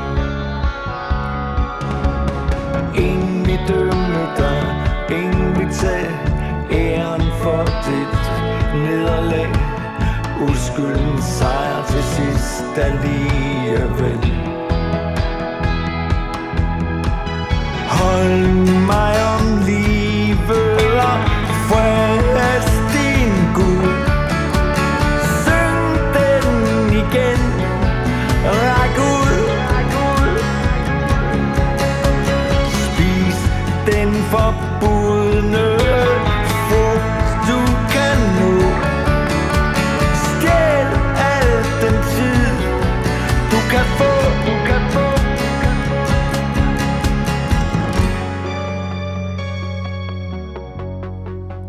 Jeg har talt med mange om Evig og Altid, og den bliver tit omtalt som en af de sange fra den her plade, som folk synes bedst om. En slags øh, fan-favorit, tror jeg næsten, vi kan kalde den. Altså, jeg vil kalde det for en overset juvel. Øhm, jeg har det sådan med den, at jeg næsten kan glemme, at den eksisterer, mm-hmm. og så lige indtil jeg hører den igen, og så, så er det også en af mine favoritter. Ja, og øh, vi skal jo have den med på vores Kyste Nu-liste. Sådan, sådan en linje, som hvert eneste sug af livet tæller. Det, er- det er jo vintage, Steffen Brandt. Altså, der var en gang, der ville han have sunget øh, røgen fra en piges cigaret, men øh, nu er han sur af livet. Det, er- det er sikkert også sundere. Ja, ved du hvad, det tror jeg, det er. Spis den forbudne frugt, du kan nå. Stjæl al den tid, du kan få. Det er jo også klassisk Steffen Brandt. Øhm, og så også meget kyste nu-agtigt. Ja, og, og frugt er også sundere end cigaretter. Også det. Øhm, han er blevet helt helseagtig efterhånden, den gode Steffen Brandt. Øhm, det kan være, at vi kan bruge TV2 til at sådan markedsføre de officielle kostråd. Sex om dagen kan også være sjov. Ha ha ha ha så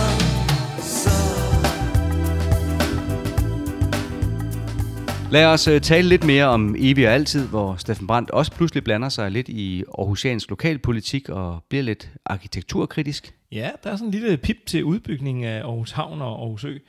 Der hvor han synger Havnefronten hårdt trukket op. Skråtbyg, skråtbyggeri i min sjæl og krop.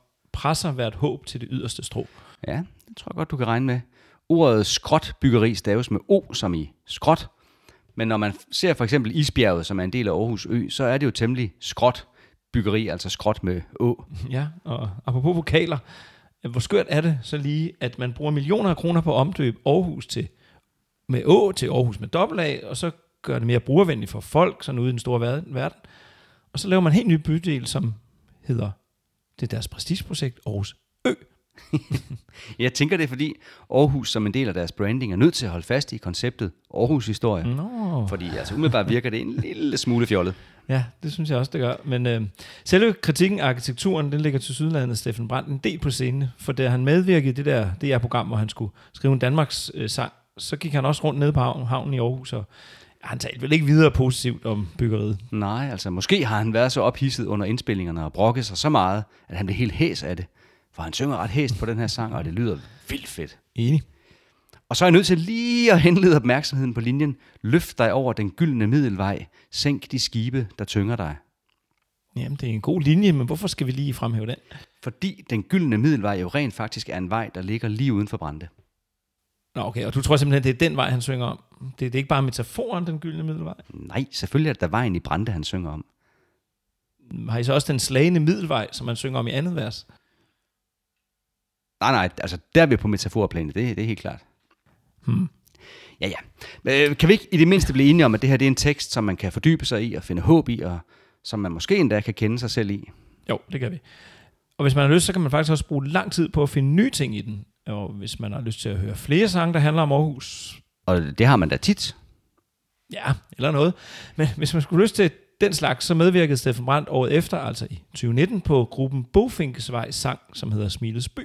En sang, der vist må være en værdig aftager for Hjem til Aarhus, som Aarhus' nationalsang, tænker jeg. Ja, det vil være oplagt. Øhm, Udover Bofinkevej, så medvirker i den her udgave også LOC på nummeret, men jeg tænker med, at vi lige nøjes med at høre Steffen Brandts bidrag. her kommer jeg, så siger man uden skygge. På rasen ind i sangen for at prøve at skabe lidt hygge. Jeg vil da meget gerne løsne slips og slikke på bardunen. Når bofinken kalder op for hjemstavns kommunen Personligt kommer jeg selv fra et hjem med klaver. Sarlis Bakken 82 70 fra mit kvarter. Jeg fik i det første tv kongen over fra de gule Som elsker at stå med knaller den på hjørnet og skule Siden fik jeg plads som tredje mål, men hos de fire Dengang i AGF for længst svundet stor i sti Nu er byen smil stivne, det går mere ned end op Mens vi hæpper på et fodboldhold i skående job Men Aarhus, du i hilse og sige hvad så? Det er bare mig. Og Helme, der står derude og banker på. Vi vil slinger ned ad Vestergade Trække havnefronten op i sangen om en storby Der har været lille længe nok. For selv når du er langt fra smilets by. Jo, du har været væk ud i den store verden. Så ved hun, at du altid vender hjem. Til Det er en sjov sang, den der, og fint med hilsnerne til Helmi og Knacks, og AGF for den sags skyld. Ja, den er ret sjov, og øh, Steffen Brandt, han er jo en helt usandsynlig dygtig tekstforfatter. Og det synes jeg lige så godt, vi kan høre endnu et eksempel på i den næste sang, som at der hedder Ødelagt. Der bor et ødelagt land i hans sæk, Der strømmer en frygt i hans blod. I søvne tramper en stående helt Restløs rundt i hans hoved Der bor et ødelagt håb i hans sind. Forvandlet til hævn og had. Ingen glæde finder vej derind. Måske skulle vi hjælpes ad Lad dit skrig blive til mit skrig. Gør verden større end min. Lad ikke din krig blive til vores krig. Lad vores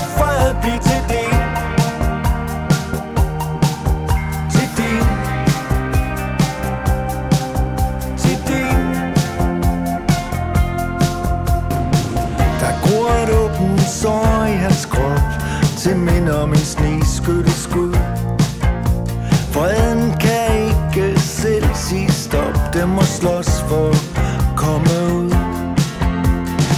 Der brænder bål på Nørrebro. En flygtning krydser sit spor. Jeg har ikke lyst til at gå i de der sko. Kom ud af mørket, søster og bror Lad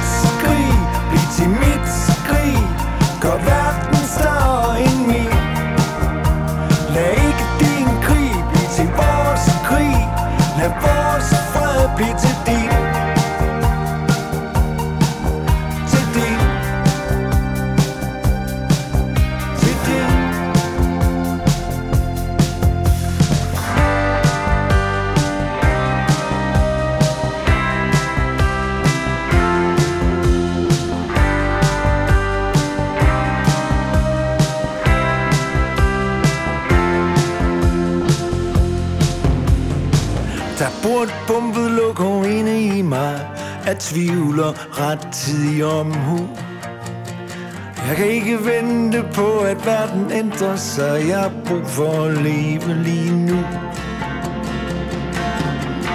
Lad dit skrig blive til mit skrig.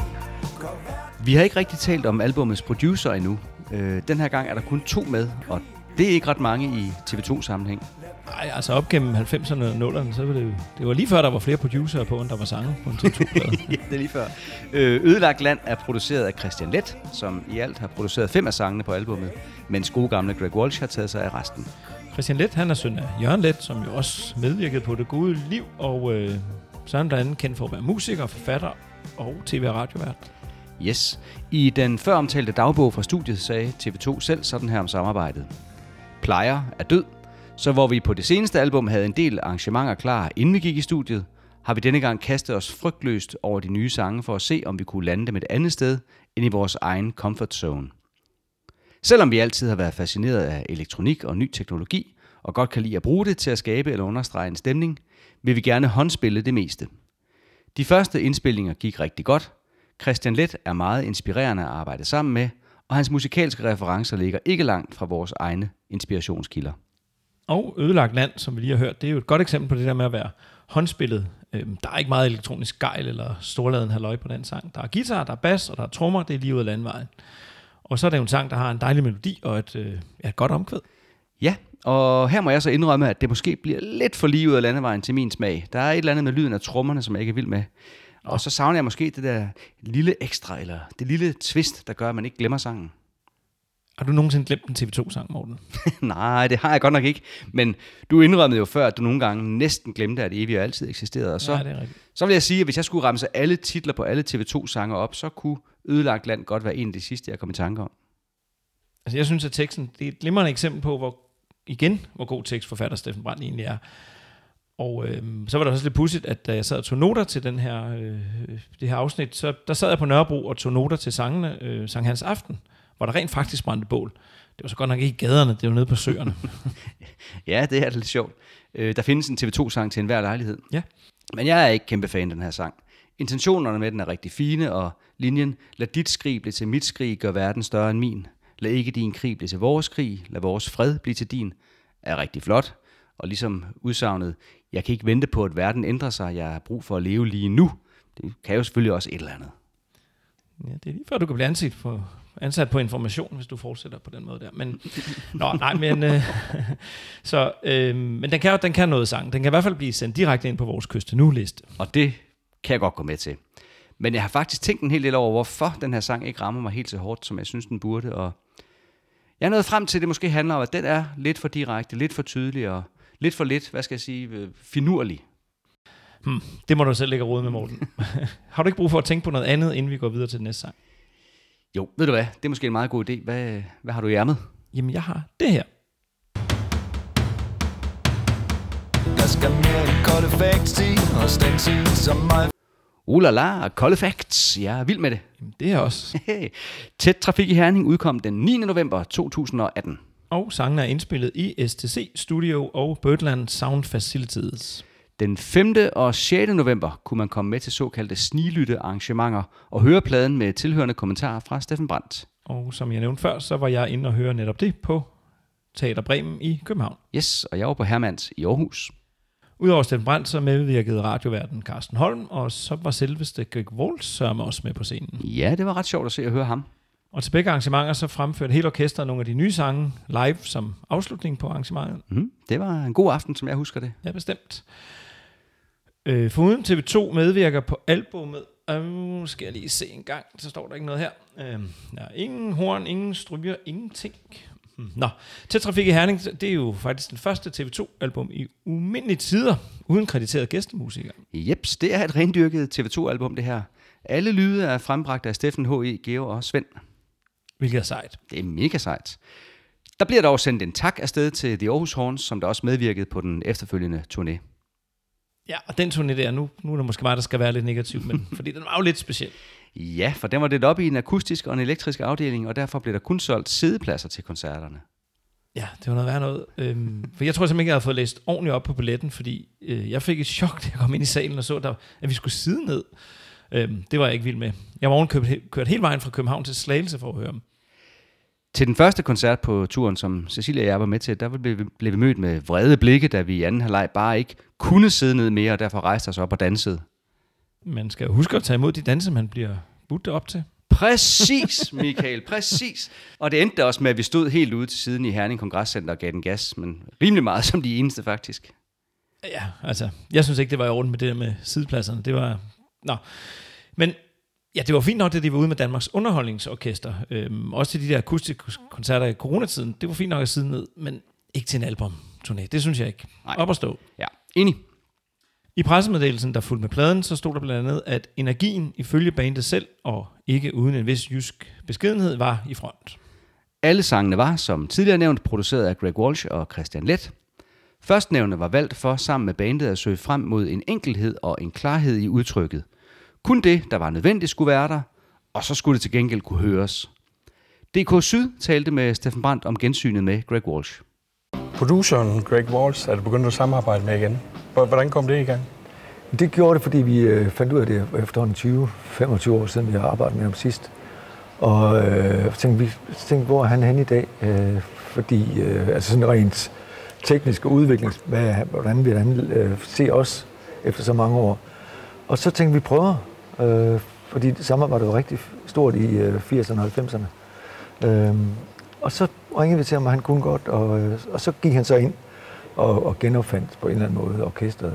I, ikke ved at lave store, øh, vilde, dyre produktioner, men ved at, at sige, at vi skal lave det enkelt. Vi skal simpelthen kun lige fortælle det. Og det var dejligt at finde frem til en helt ny enkelhed. Og det betød faktisk også, at vi i bandet fandt ud af at spille sammen igen. Eller ikke, at vi har været væk, men altså, pladeproduktioner i dag er tit noget med, at man starter et sted med et eller andet en lille skitse, og så bygger man oven på det. Her var vi faktisk inde og spille alle sammen på én gang. Og det synes jeg, man kan mærke den energi på albumet, at det er- spillet frem, og det er, der er en spilleglæde også. Det er i hvert fald en fornøjelse, som man vil kunne høre. Orkestret mente selv, at øh, udsatte steder det kunne være en overskrift for albummet, øh, både geografisk og menneskeligt. Og så hævdede de ellers, at de øh, på alle planer var tilbage. Ja, som der også stod i pressemeddelelsen, Tæt trafik i Herning er ny energi fra et velvoksent orkester. Nu lyder du som noget, som man kunne sige en tv-reklame fra sådan en CD i 90'erne. Ja, men det passer vel også meget godt med, at coveret til albumet var lidt øh, old school. Ja, det, det, det synes jeg, du er ret i. Altså billedet på coveret, det er taget af Morten Rygaard, mens det er Jodam Kærgaard, der står for coverart. Øhm, det forestiller et solbrilleklædt orkester, der spacerer foran en trist grå betonmur. Og så er der et lille TV2-logo øverst i venstre hjørne, og herunder er albumtitlen skrevet i en rød ellipseformet figur.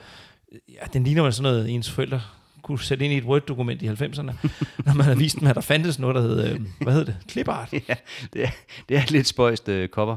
Og ikke et af deres flotte, skal vi ikke bare blive enige om det? Det kan vi godt. Men derfor er det også morsomt, at det amerikanske band Foo Fighters valgte et stort set identisk billede til deres opsamlingsalbum The Essential Foo Fighters, som udkom i 2022. Hvis du ikke har set det cover endnu, så prøv lige at google det. Det er ret sjovt, så meget det ligner tæt trafik i Herning coveret. Mm, tak for tippet. Det vil jeg gøre senere. Øhm, vi har ikke fundet nogen salgstal fordi, øh, Nej. for albummet, fordi når vi, altså, også når vi kigger på hitlisterne for 2018, så må vi også være ærlige og konstatere, at Tæt Trafik i Herning, de, de havede ikke lige frem hitlisterne. Nej, det vil være synd at sige. Der er til synligheden rigtig mange mennesker, der er gået glip af et godt TV2-album her. Men heldigvis ikke os. Ej. Inden vi hører næste nummer, så vil jeg gerne lige vende tilbage til det der øh, hvad hedder det, interview i Euroman, som vi læste op fra tidligere. Fordi den næste sang, det er Drengene fra Caltex, hvor vi endnu en gang vender tilbage til Steffen Brandts barndom i Aarhus og omegn. Og i Euroman-interviewet, interviewet, så bliver han spurgt om, hvad hans bedste barndomsminde er. Mm-hmm. Og har det så noget med den her sang at gøre? Nej, ikke direkte, men prøv at høre en gang, hvad han svarede.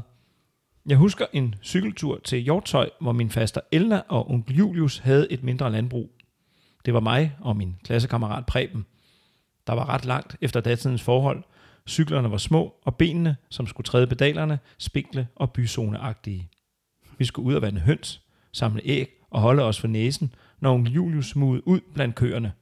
Men vigtigst af alt, vi skulle nå at høre top 20 i den medbragte transistorradio og krydse fingre for, at Beatles stadig nummer, lå nummer 1 med Hello Goodbye. Og så fik øh, du lige bragt lidt Beatles ind i podcasten igen her. Tak for det, Michael. Ja, det var så lidt. Og så har jeg faktisk også fundet frem til Steffen Brands gamle klassekammerat Preben. Så jeg ringede til ham for at høre, om han også kunne huske cykelturen til Hjortøj. What? Seriøst? Nej, Nej det, gas, det, kunne jeg, det, kunne, det kunne jeg aldrig finde på, Morten. Nå, pyha. Men i øvrigt, så ved jeg da, at Hello Goodbye udkom sidst på året i 1967, hvor Steffen Brandt har været 14 år. Så er det vist begrænset, hvor små de cykler var, og hvor spinkle deres ben kan have været. Jeg vidste bare, at du ikke ville kunne lade være med at sidde og blære dig med din Beatles-viden, Morten. Jeg skulle aldrig have læst den anekdote op for dig. Nu driver drengene fra Caltex-stationen hjem. Og Travus Margrethe åbner vinduet lidt på klem. Overlærer massen tager Bibelen ned fra fjerde sal. Læser højsangen op, som var det en syge journal og du står der i skyggen. Jeg kan ikke lukke dig ind. Købmand Sallerup kører ud I noget der ligner en halv pelikan. Han skal hente et brev fra en afdød onkel i Kazakhstan Aviserne venter på drenge, der vil bringe budskabet ud. Gennem haver med hække og sakse og muldvarpeskud. Og du står der i sky, jeg kan ikke lukke dig ind. Du står der i sky, jeg kan ikke lukke dig ind. Det er lang tid siden du Men vent bliver bare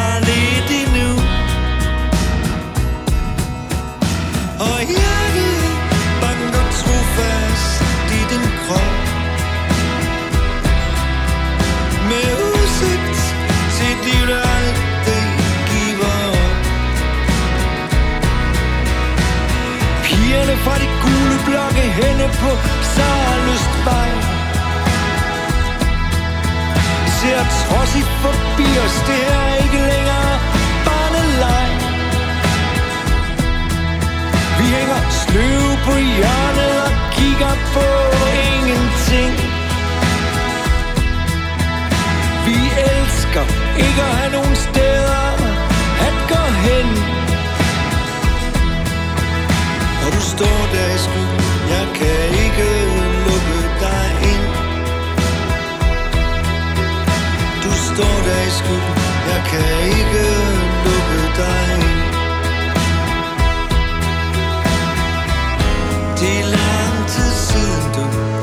Men vent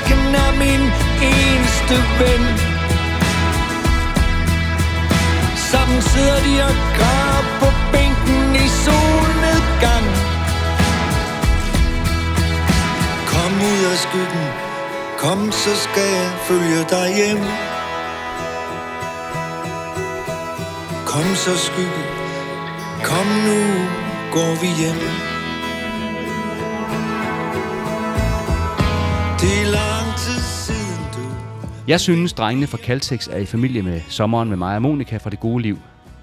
Vi er i hvert fald tilbage i Steffen Brands barndom og tidlige ungdom i Højbjerg. Det er ret sjovt, som den her periode af Steffen Brands liv til synligheden går i 6 8. dele.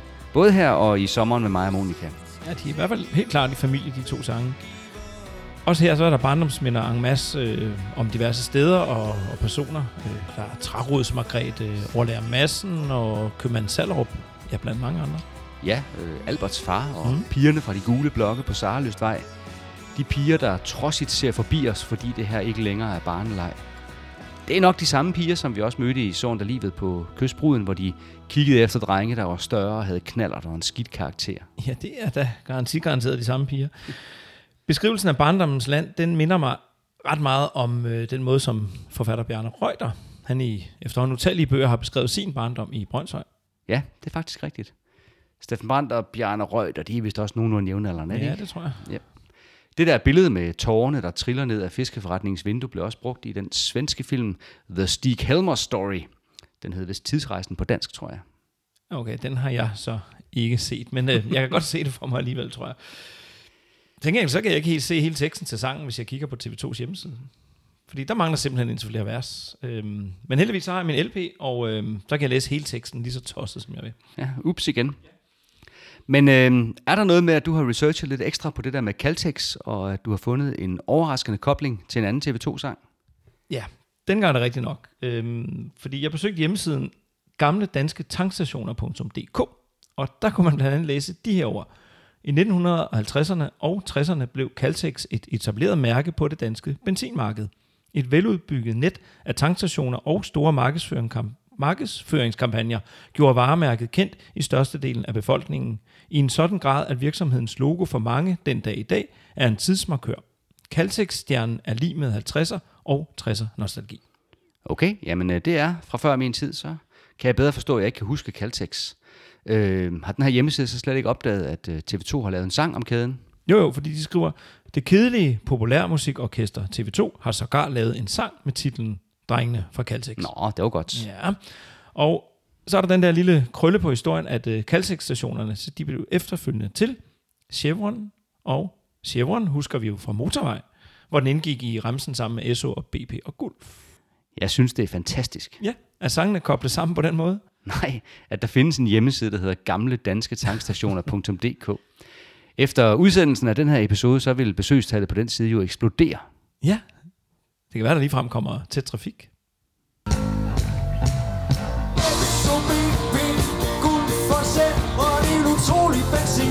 Benzin. Det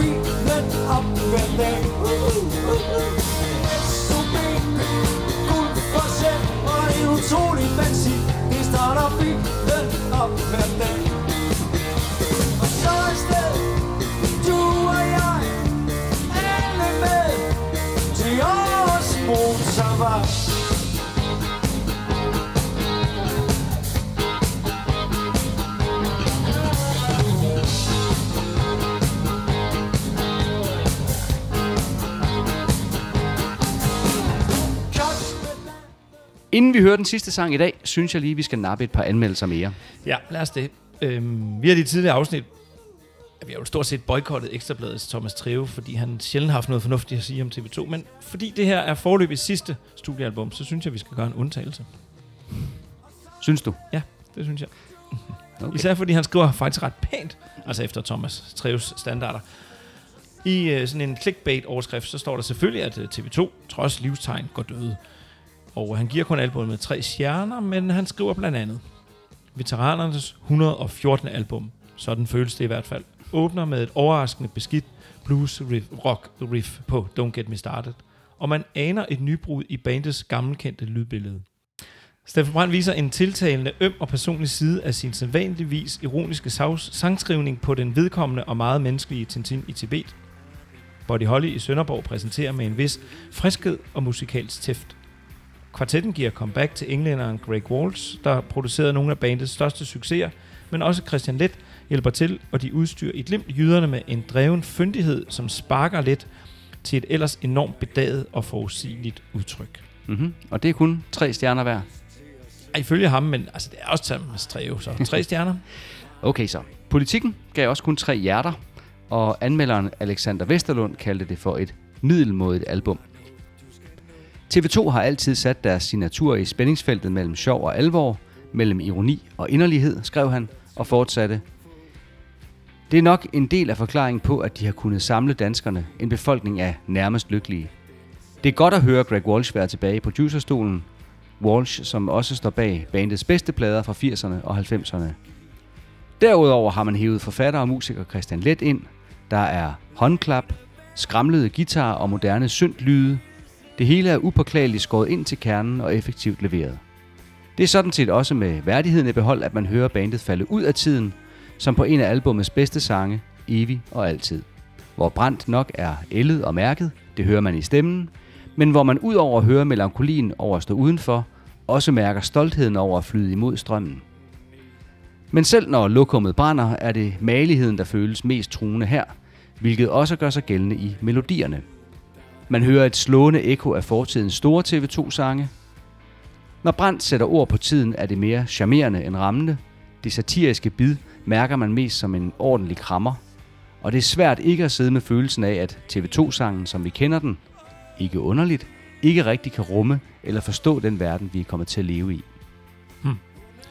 Børsen de var mere positiv, og her skrev Niels øh, Petersen i sin femstjernede anmeldelse, der er ingen, der elsker dansk infrastruktur så højt som TV2. Færger, stationer og broer og alle de andre menneskeskabte indslag i landskabet sniger sig ind i Steffen Brands tekster. 2018-aftapningen rocker mere end den popper, og det er slet ikke skidt.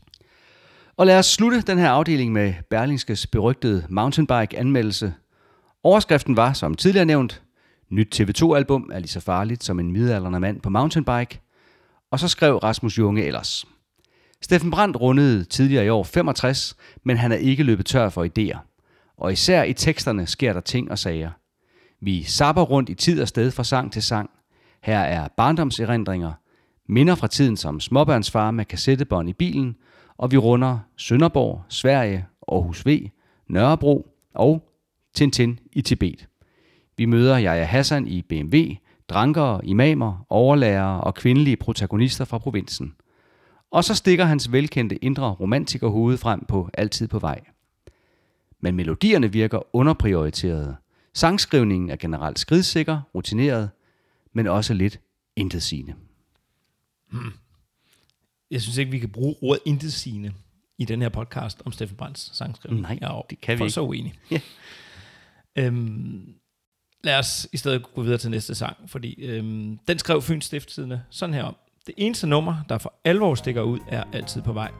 Det er en kærlig hilsen til ABBA, Blondie og Tommy Sebak, som med den overskruet glade melodi og festsangteksten vil kunne gøre sig ved Melodi Grand Prix. Mm, og da da. altid for dig Svaret er givet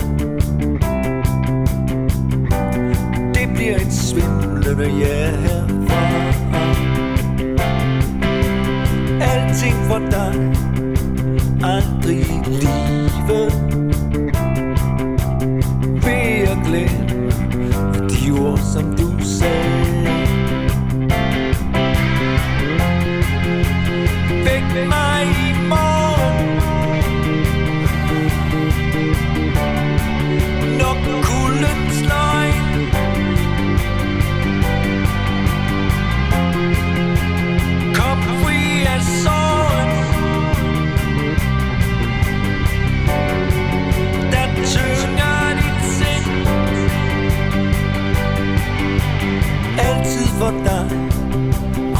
der skal komme. Jeg bliver ved din tid, Til solen står op. Alting for dig Den tid som er omme. Gemt som uro Og savn i din krop. Væk mig i morgen.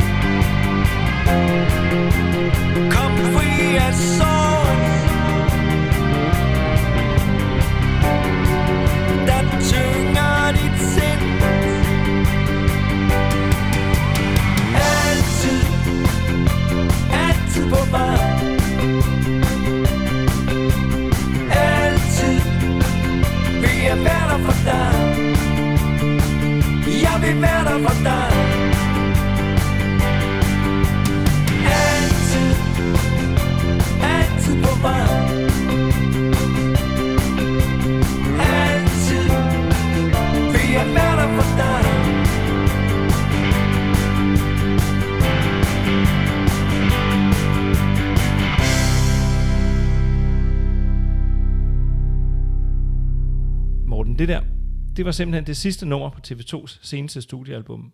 Altså det er jo et nummer, som jeg i lang tid har frygtet skulle være det sidste TV2-nummer, der blev udgivet. Ja, ja, men rolig nu. Der, der kommer flere sange, det har Steffen Brandt selv lovet os. Ja, gudskelov. Øhm, og vi har faktisk også efterfølgende fået den sidste turist i Europa. Altså selvom det godt nok ikke er sådan en Steffen Brandt komp- komposition. Men øhm, ja, og med et nyt album på vej, så skal det jo nok gå alt sammen. Ja, ja. Sådan et album er jo altid på vej. Ligesom den her sang. Hvad, hvad synes du om den? Jeg synes faktisk, det er en fin sang. Altså først og fremmest så er det jo en meget insisterende øh, bas, der er der. Øh, en bas, som måske minder lidt om øh, den fra Motorvej, som jo var det første nummer på den første plade.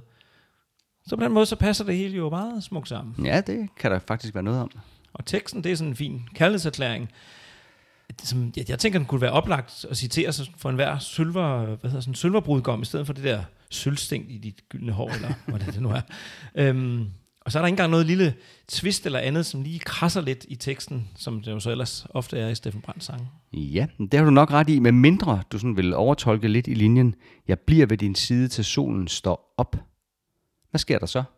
Stikker han af, eller er han sådan en schuft, der altid er på vej? Eller? Ja, Morten, nu, nu tror jeg, du overfortolker. Mm-hmm. Øhm, jeg, synes, jeg tror altså, at sangen er lige så glad og let, som musikken lægger op til. Okay, jamen øh, jeg vil gerne give dig ret. Det var da dejligt. Jeg er slet ikke så svær med at gøre. Nej, nej, så længe du får lov at tale om TV2, så virker du sådan ret medgørlig. Jeps. Og hvordan er det egentlig? Er der noget andet, vi skal huske at få med, inden det er blevet tid til vores egne anmeldelser? Ja, det skulle lige være at nævne, at der på Danmarks Radio blev sendt en dokumentarfilm om øh, TV2 anden juledag 2017. Det er rigtigt, ja. Filmen øh, instrueret af Jørgen Bo Bernsdorf, og en af de største kvaliteter ved den er, at de mange interviews med alle fire medlemmer af orkestret. Ja, og den har jo været vist i tv flere gange siden, så hvis ikke du har set det nu derude, så sørg lige for at være klar næste gang, de genudsender den, fordi det gør de jo nok. Ja, ja. det gør de nok. Men øhm, nå, er du så klar til at høre min anmeldelse af albumet? Altså, den der linje fra altid på vej med, det bliver et svimlende ja herfra, har snedet sig ind i mit sprog som noget, jeg siger.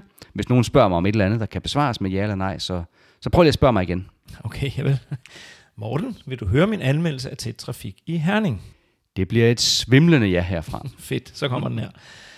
Fordi albummet lige øh, nu i talende stund kun har fem år på banen, så, øh, så er det jo ikke en klassiker i TV2 samlede værker. Det kan den blive, og øh, det tror jeg også, den går hen og gør. Men øh, altså, der er ikke nogen åbenlyst svage numre, og pladen den virker dejligt helt støbt. Det kan jo selvfølgelig blandt andet skyldes, at der kun er to producer ind over, og en af dem er god gamle Greg Walls. Men øh, jeg mener nu, det er lige så høj grad skyldes, at vi har med et orkester at gøre, som aldrig går på kompromis med kun at udsende numre, de står 100% indenfor. Og når jeg så som lytter også skal stå 100% indenfor, og jeg synes, det er banger på banger, jamen så er jeg simpelthen nødt til at give fem flotte og nostalgiske Caltex-stjerner. Yes. Jeg lander også på fem stjerner. Ikke Caltex-stjerner, men bare store og funklende mesterværksstjerner. I mine intensive genlytninger af pladen var jeg endda flere gange på vej mod de seks stjerner. Jeg kan virkelig godt lide den her plade. Men det er som om, at de sidste tre numre trækker lidt ned. Hverken Ødelagt Land, Drengene fra Caltex eller Altid på vej kommer med på min all-time favoritliste, men det gør de øvrige ni sange altså. Her er vellyd, der er gang i den, der er fantastiske melodier, vedkommende og underholdende tekster, og så lyden af et band, der spiller sammen, fordi de kan lide det, og fordi de har noget på hjerte. Jeg er så klar til det næste album. Bring it on. Dejligt med lidt begejstring. Mm-hmm. Apropos næste album. Hvad, ja. hvad gør vi med podcasten herfra? Tæt Trafik i Herning, det var det sidste studiealbum. Og øh, vi har lavet en episode Seneste, per... seneste, seneste studiealbum. Seneste studiealbum. My mistake.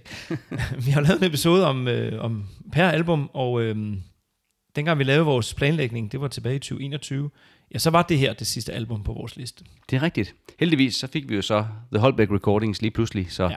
så det mangler vi da i hvert fald at tale om ja. nu, og vi, vi skal også tale lidt om den sidste turist i Europa, skal vi ikke? Jo, øh, der var også stemning for, om vi skulle lave noget om Taus-albummet, så... Øh, og ja, så kommer der jo så, ifølge Steffen Brandt, jo mindst et studiealbum mere. Yes, så podcasten er med andre ord ikke færdig endnu. Slet ikke. Og øh, det bliver vel også os, der skal lave de næste episoder? Ja, det håber og satser jeg i hvert fald på. Øhm, til allersidst i covernoterne på Tæt Trafik i Herning, så står der ellers sådan et gammelt sjællandsk ordsprog om, at byrden er let på andres skuldre. Så øh, det kan da godt være, det ville være lettere, hvis vi fik nogle andre til at lave det sidste afsnit. Nixon Bixen. Det bliver et svimlende nej herfra. Godt så. Skal vi så ikke bare sige, at vi ses en anden god gang og taler om TV2? Jo, det er jeg helt frisk på. Skal vi øh, finde en god måde at slutte på? Det bliver et svimlende uk herfra. 3, 2, 1. Uk.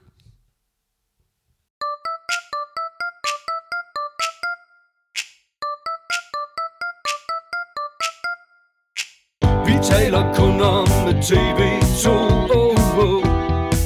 Babadabadabab. De er gode